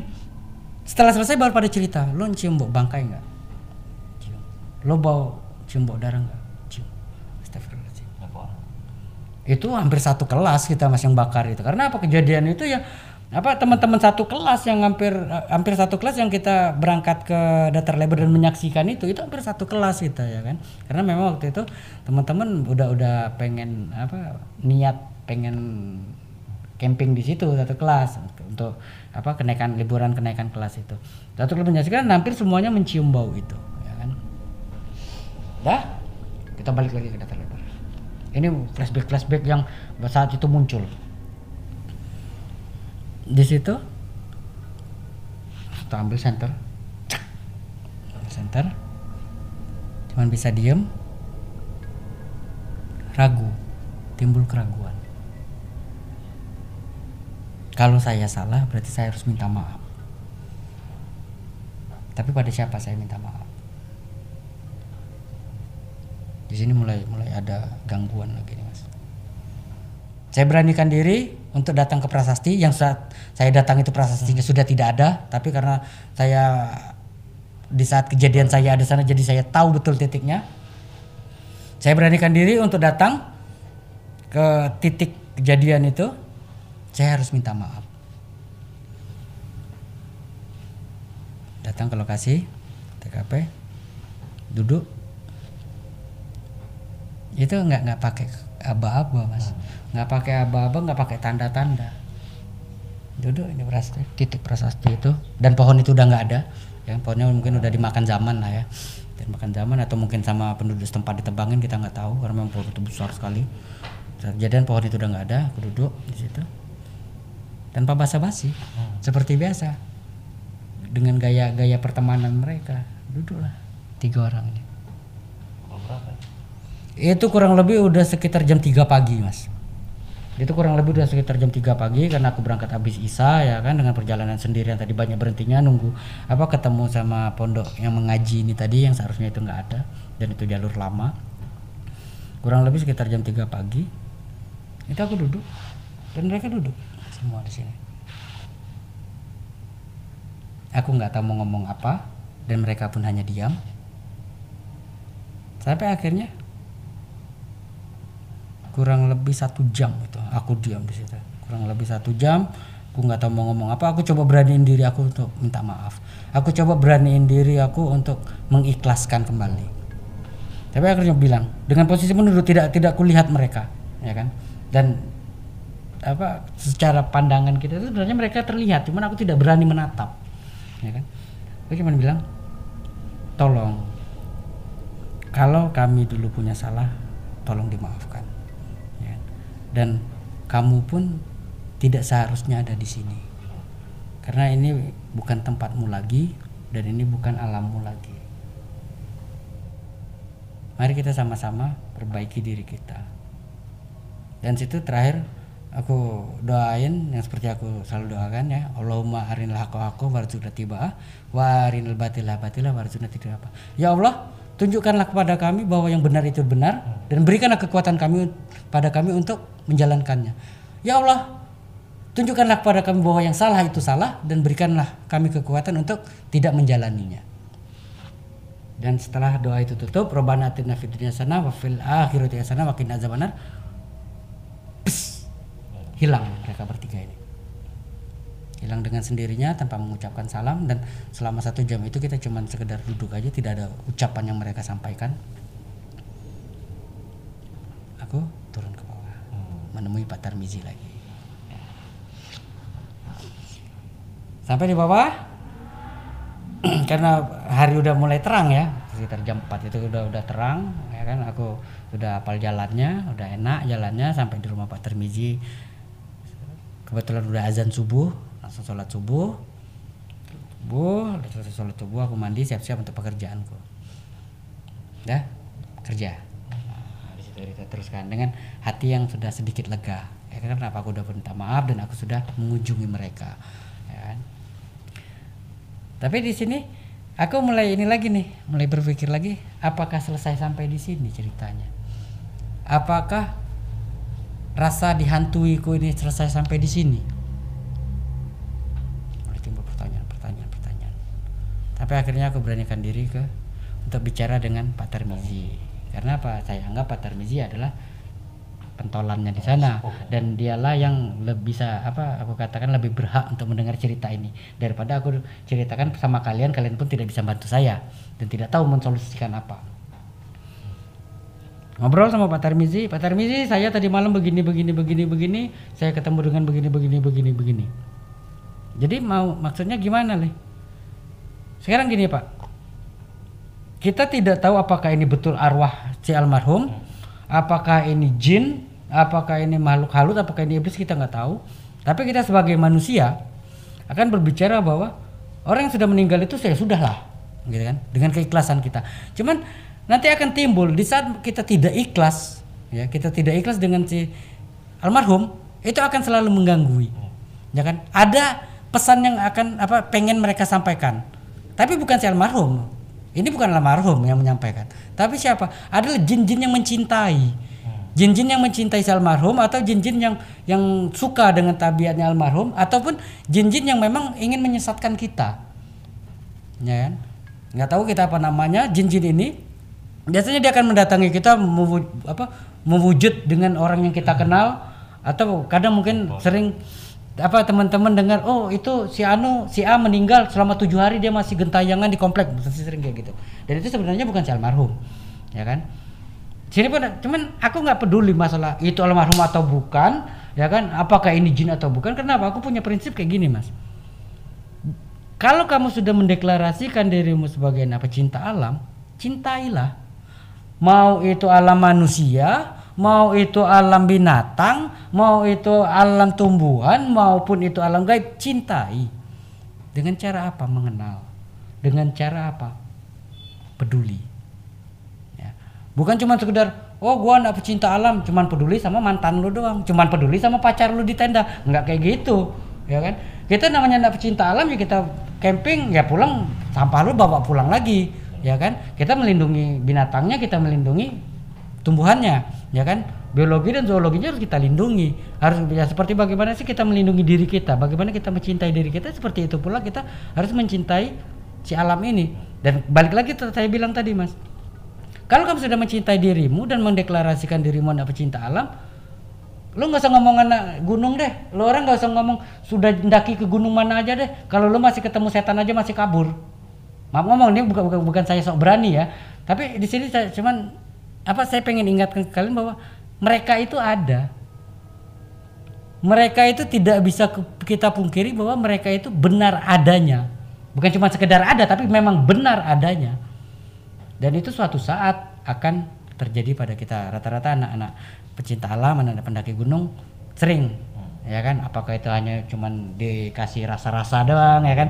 Apa merinding di tengkuk atau melihat sekelebatan gitu kan? Atau memang tahu-tahu ketemu nanti oh saya tadi sih ketemu sama si Anu ternyata si Anu adalah orang yang pernah hilang nah itu itu udah biasa jadi jangan jangan, jangan pernah berpikir bahwa kamu anak pecinta alam tapi si si si apa si gaibnya ini malah kalian apa ya? Abaikan. Ah, diabaikan karena apa gini loh. Di tempat itu, di tempat kita datang itu kita ini tamu. Sebenarnya kita yang tamu. Kita manusia ini yang tamu. Dan ah, siapa tuan rumahnya? Tuan rumahnya yang mereka yang ada di sana duluan. Tumbuhannya, binatangnya, ya kan? Bahkan sampai si gaibnya. Mereka duluan di sana. Kenapa kita tidak ucapkan salam? Kenapa harus mereka yang pergi? Kita yang di sana dengan teriak-teriak dengan gitar-gitaran kita nggak bisa. Ya kan? Ini pesan yang pengen disampaikan ke mereka. Ya kan bahwa apa? Dalam setiap perjalanan, dalam setiap pendakian, dalam setiap bukan cuma hanya pendakian, bahkan mungkin namanya kita datang ke tempat baru, itu pasti bakal ada adatnya. Bakal ada budayanya. Bakal ada timbul etika yang harus kita ikuti. Contoh, misal oh daerah si daerah ini kita tidak boleh melakukan ini ini ini ini, pantangannya ini ini ini ini ini. Kalau pantangan ini dilanggar nanti bakal kejadian seperti ini. Dan itu sering terjadi karena apa? Kita lupa. Ya kan kita eh, bisa lupa, bisa tidak tahu dan bahkan memang kadang memang kitanya aja nggak punya etika. Kitanya nggak punya etika. Dah. Sampai akhirnya ke Pak Tarmizi aku bilang kayak gitu. Jadi maksudnya apa nih Mas? Katanya. Mas Gali maksudnya apa nih? Aku mau datar lebar kita ba- bangun lagi. Datar lebar yang dulu pernah ramai, yang dulu pernah menjadi surganya para pendaki di Bengkulu, kita ramaikan lagi. Karena apa? Di sini si entah kayak ini jin, entah kayak ini arwah, entah kayak sini si almarhum, aku udah nggak udah nggak peduli lagi karena aku udah lepas urusanku, udah minta maaf sana. Cuma mau bilang, ini kami jadi hutan tak terurus. Air terjun tak terlebar itu jadi hutan yang tidak terurus lagi, ya kan? Itulah tadi kalau kata kami itu hutan kelambu gitu mereka pengen dengan bahasa mereka kunjungi kami ya. Jadi sebenarnya bukan bukan mereka mel- me- apa, melarang kita datang tapi ternyata mereka memang meminta kita untuk hadir lagi. Tolong ramaikan lagi. Itulah yang aku simpan di hati aku. Dia bilang jenguk kami jenguk kami. Ternyata itu tolong datengin kami lagi. Tolong main ke sini lagi. Itu yang pertama. Yang kedua pesannya apa? Karena memang mungkin si makhluk ini menyerupai para pendaki ya kan? Ya mungkin maksudnya ya apa? Para pendaki inilah datanglah dulu para pendaki ini? Masalah nanti dari mana-mana datang bentuk dengan wujud apa datang itu urusan nanti. Yang penting coba deh para pendaki kok kalian sudah melupakan air terjun datar lebar ya kan? Sudah melupakan air terjun datar lebar dan tidak pernah menjenguk kami lagi tidak pernah mengunjungi kami lagi. Apakah ini alamnya yang berbicara? Apakah ini jin yang berbicara? Apakah ini binatang yang berbicara? Kita nggak peduli tapi pesannya itu dan yang terakhir aku dapat pesan lagi yang coba aku tarik kesimpulan lagi si wanita mengaji si gadis mengaji dan si gadis Yang ngasih baju. ngasih baju tadi. Wanita mengaji ini coba aku tarik kesimpulan bahwa apa? Ternyata selama ini kita sudah melupakan itu, melupakan tragedi ini dengan ego kita untuk tidak eh, apa untuk melupakan trauma kita. Kita ego. Kita semua ego untuk wah, gua kalau nginget ini ntar trauma lagi. Ternyata apa? Ini enggak, ini perlu diingat ya. Ini tetap harus dikenang. Ya kan itu karena apa? Itu bagian hidup dari kita. Itu adalah satu lembar bagian cerita kita yang kalau ini dirobek maka buku kita udah nggak lengkap lagi. Catatan kita sudah hilang. Ternyata mereka minta itu dan ternyata teman-teman ini dengan melupakan kejadian itu mereka lupa untuk mendoakan. Entah mungkin maksudnya apakah keluarganya lupa mendoakan dan bahkan saya jujur saja, ya kan. Banyak teman-teman seangkatan saya yang saat kejadian itu saya tanyakan, kalian udah doain nggak? Boro-boro doain. Ngingatnya aja aku males. Karena apa? Gara-gara kejadian itu, itu pun jadi kema trauma trauma sendiri dan mereka nggak mau camping lagi gitu kan. Dan apa? Untuk mendoakan almarhum sahabat kita ini mereka udah mulai lupa, ya kan? Bahkan sampai teman-teman teman yang masih hidup pun saksi-saksi mata lain lebih memilih bungkam, tidak menceritakan ini kepada adik-adik, tidak menceritakan ini kepada next generation, ya kan, kepada para penggiat-penggiat alam yang akan mewarisi cerita ini. Padahal sebaiknya apa pun yang terjadi di situ ya harus kita ceritakan. Untuk apa? Biar adik-adik nanti tahu, oh di sini pernah ada ini dan oh di sini saya harus beretika. Oh di sini jangan sampai kesalahan ini terjadi lagi ke saya. Kan begitu, ya kan? Kalau ini udah dilupakan, ya sama kayak kita aja sih. Jangankan dilupakan oleh orang yang kita cintai. Dilupakan oleh orang yang sudah tidak mencintai kita lagi aja, itu sakit mas. Ya. Bener sakit gitu. Kita merasa tidak ada. Kita merasa di dunia ini kita udah udah hampa. Tapi ternyata apa? Kehampaan inilah yang akan menimbulkan isi baru. Saya hanya mendengar itu. Hampanya si almarhum ini itu menimbulkan isi yang baru. Apa? Dengan gaya mereka, dengan cara mereka memberi pesan, dengan cara mereka menjadi mumu. Inilah pesannya. Dan alhamdulillah Pak Tarmizi meng, apa, uh, merespon ya kan dengan hal positif, merespon dengan positif. Oh ya, saya juga pernah punya niat untuk menjadikan air terjun datar lebar ini menjadi objek wisata lagi. Alhamdulillah.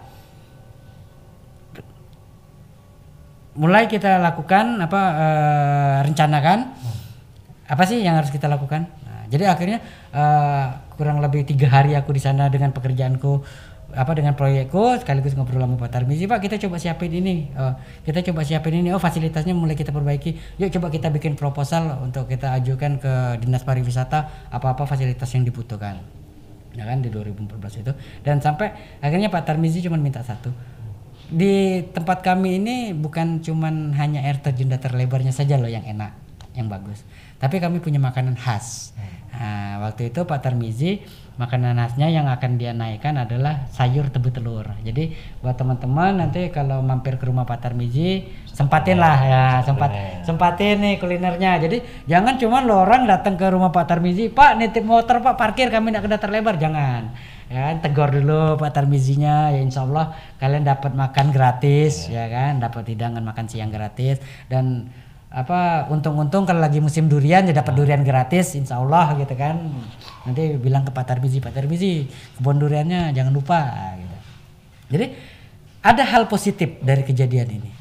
Jangan kita hanya berbicara bahwa sesuatu yang tidak menarik atau sesuatu yang tidak enak di, bagi kita itu akan menjadikan negatif ke kita. Tidak. Ternyata apa Allah selalu punya rencana yang lebih baik daripada yang kita rencanakan. Walaupun dalam perjalanannya itu menyakitkan untuk kita, tapi percayalah, itu adalah rencana yang terbaik untuk diri kita. Walaupun kita tidak suka. Ya, kenapa? Allah tahu apa yang kita mau dan Allah tahu apa yang memang butuh kita pelajari. Allah juga tahu apa yang butuh kita teladani. Bukan dengan pelajaran ini teman-teman ngomong, wih ngapain ke datar lebar angker? Enggak, saya bukan bukan mau nyampein itu. Saya mau nyampein bahwa datar lebar adalah surganya para pendaki di Bengkulu. Jadi teman-teman di Bengkulu tolong jangan lupakan datar lebar dan teman-teman di Bengkulu saya minta tolong juga bantu Pak Tarmizi untuk mempromosikan air terjun datar lebar. Sampai akhirnya selesai proyek dan saya pulang dan saya kembali lagi uh, proyek ini selesai di tahun 2015 Januari itu aku udah pulang lagi ke Tangerang jadi alhamdulillah cerita itu uh, apa ada program baru dari Pak Tarmizi nah dengan program baru ini alhamdulillah kalau yang sering aku lihat di YouTube ya kan aku lihat di konten-konten perjalanan teman-teman dan aku mulai apa teman-teman mulai cerita lagi. Di 2014 sampai 2020 alhamdulillah sudah mulai ramai pengunjung. Tapi masih ada satu yang apa mengganjal adalah masih belum ada yang berani camping. Nah, kita nggak tahu ya apakah mungkin karena memang si apa lokasi air terjun ini belum layak untuk untuk didirikan tenda kadang masih dengan hutan kelambunya atau memang ada ada isu-isu lain yang lebih mengganggu untuk mereka tidak camping aku tidak tahu kalau itu. Tapi alhamdulillah sudah mulai ramai sekarang. Mas. Oke, mungkin ada suatu pesan terakhir untuk supaya para pendaki selain mengingat kita harus membangun lagi dan itu potensi pariwisata itu kan untuk apa ada akan ditambahkan oleh Bang Ali Jadi begini, eh, sebenarnya aku nggak nggak nggak mau ngomong banyak ya, karena apa? Semua orang punya persepsinya masing-masing dan semua orang punya eh, versinya masing-masing untuk kejadian ini. Tapi satu hal yang pengen aku sampaikan adalah apa? Banyak dari kita para penggiat alam, apalagi zaman-zaman sekarang ya, cuman modal uang, itu kalian sudah bisa bayar guide, kalian bisa bayar ranger, ya kan? Kalian udah bisa ndaki gunung, dan di atas kalian apa yang kalian kejar bukan lagi indahnya eh, pemandangan, bukan lagi dinginnya kabut pagi, ya kan? Bukan lagi apa eh, nuansa kebersamaan, bukan itu yang mereka kejar. Tapi satu ingat yang mereka kejar apa? Ya, yang mereka kejar itu cuman foto di puncak, ya kan gitu kan? Padahal bukan ini yang yang, yang kita mintakan itu bukan, ya kan? Mereka cuma sibuk cari injelnya. Oh, ini fotonya bagus nih. Nanti mereka mulai pamer di sosial media mereka mereka pamer oh gua pernah daki puncak ini loh padahal apa dalam perjalanannya mereka bayar ranger mereka bayar potter tidak seperti para pendaki-pendaki konvensional yang betul-betul menggunakan lutut mereka yang betul-betul menggunakan nafas mereka untuk mendaki dan sampai akhirnya terbayar lelah mereka di saat pendakian. Jadi tolong pada para pendaki bahwa apa? Etikamu dijaga. Yang pertama etikamu dijaga. Kemudian adat istiadat setempat harus dihormatin kalian nggak boleh lupakan adat-adat itu. Jangan cuman kalian datang taruh motor parkiran main selondong boy pak kami berangkat pak. Kalian nggak tahu aturannya apa. Tolong ya jadi pantangannya apa larangannya apa tolong diikutin. Dan satu hal lagi selama kita hidup selama kita hidup itu akan terus terus dan terus mengalami hal baru ya kan? Jadi tolong buat teman-teman latih dirimu dan belajarlah selalu Jangan kalian terbentur masalah sedikit kalian menyerah. Jangan. Jangan kalian terbentur hal-hal angker seperti saya alami, kalian langsung menyerah dan kalian trauma. Jangan. Tapi apa? Bangkit, bangkit dan bangkit. Mungkin itu aja, Mas.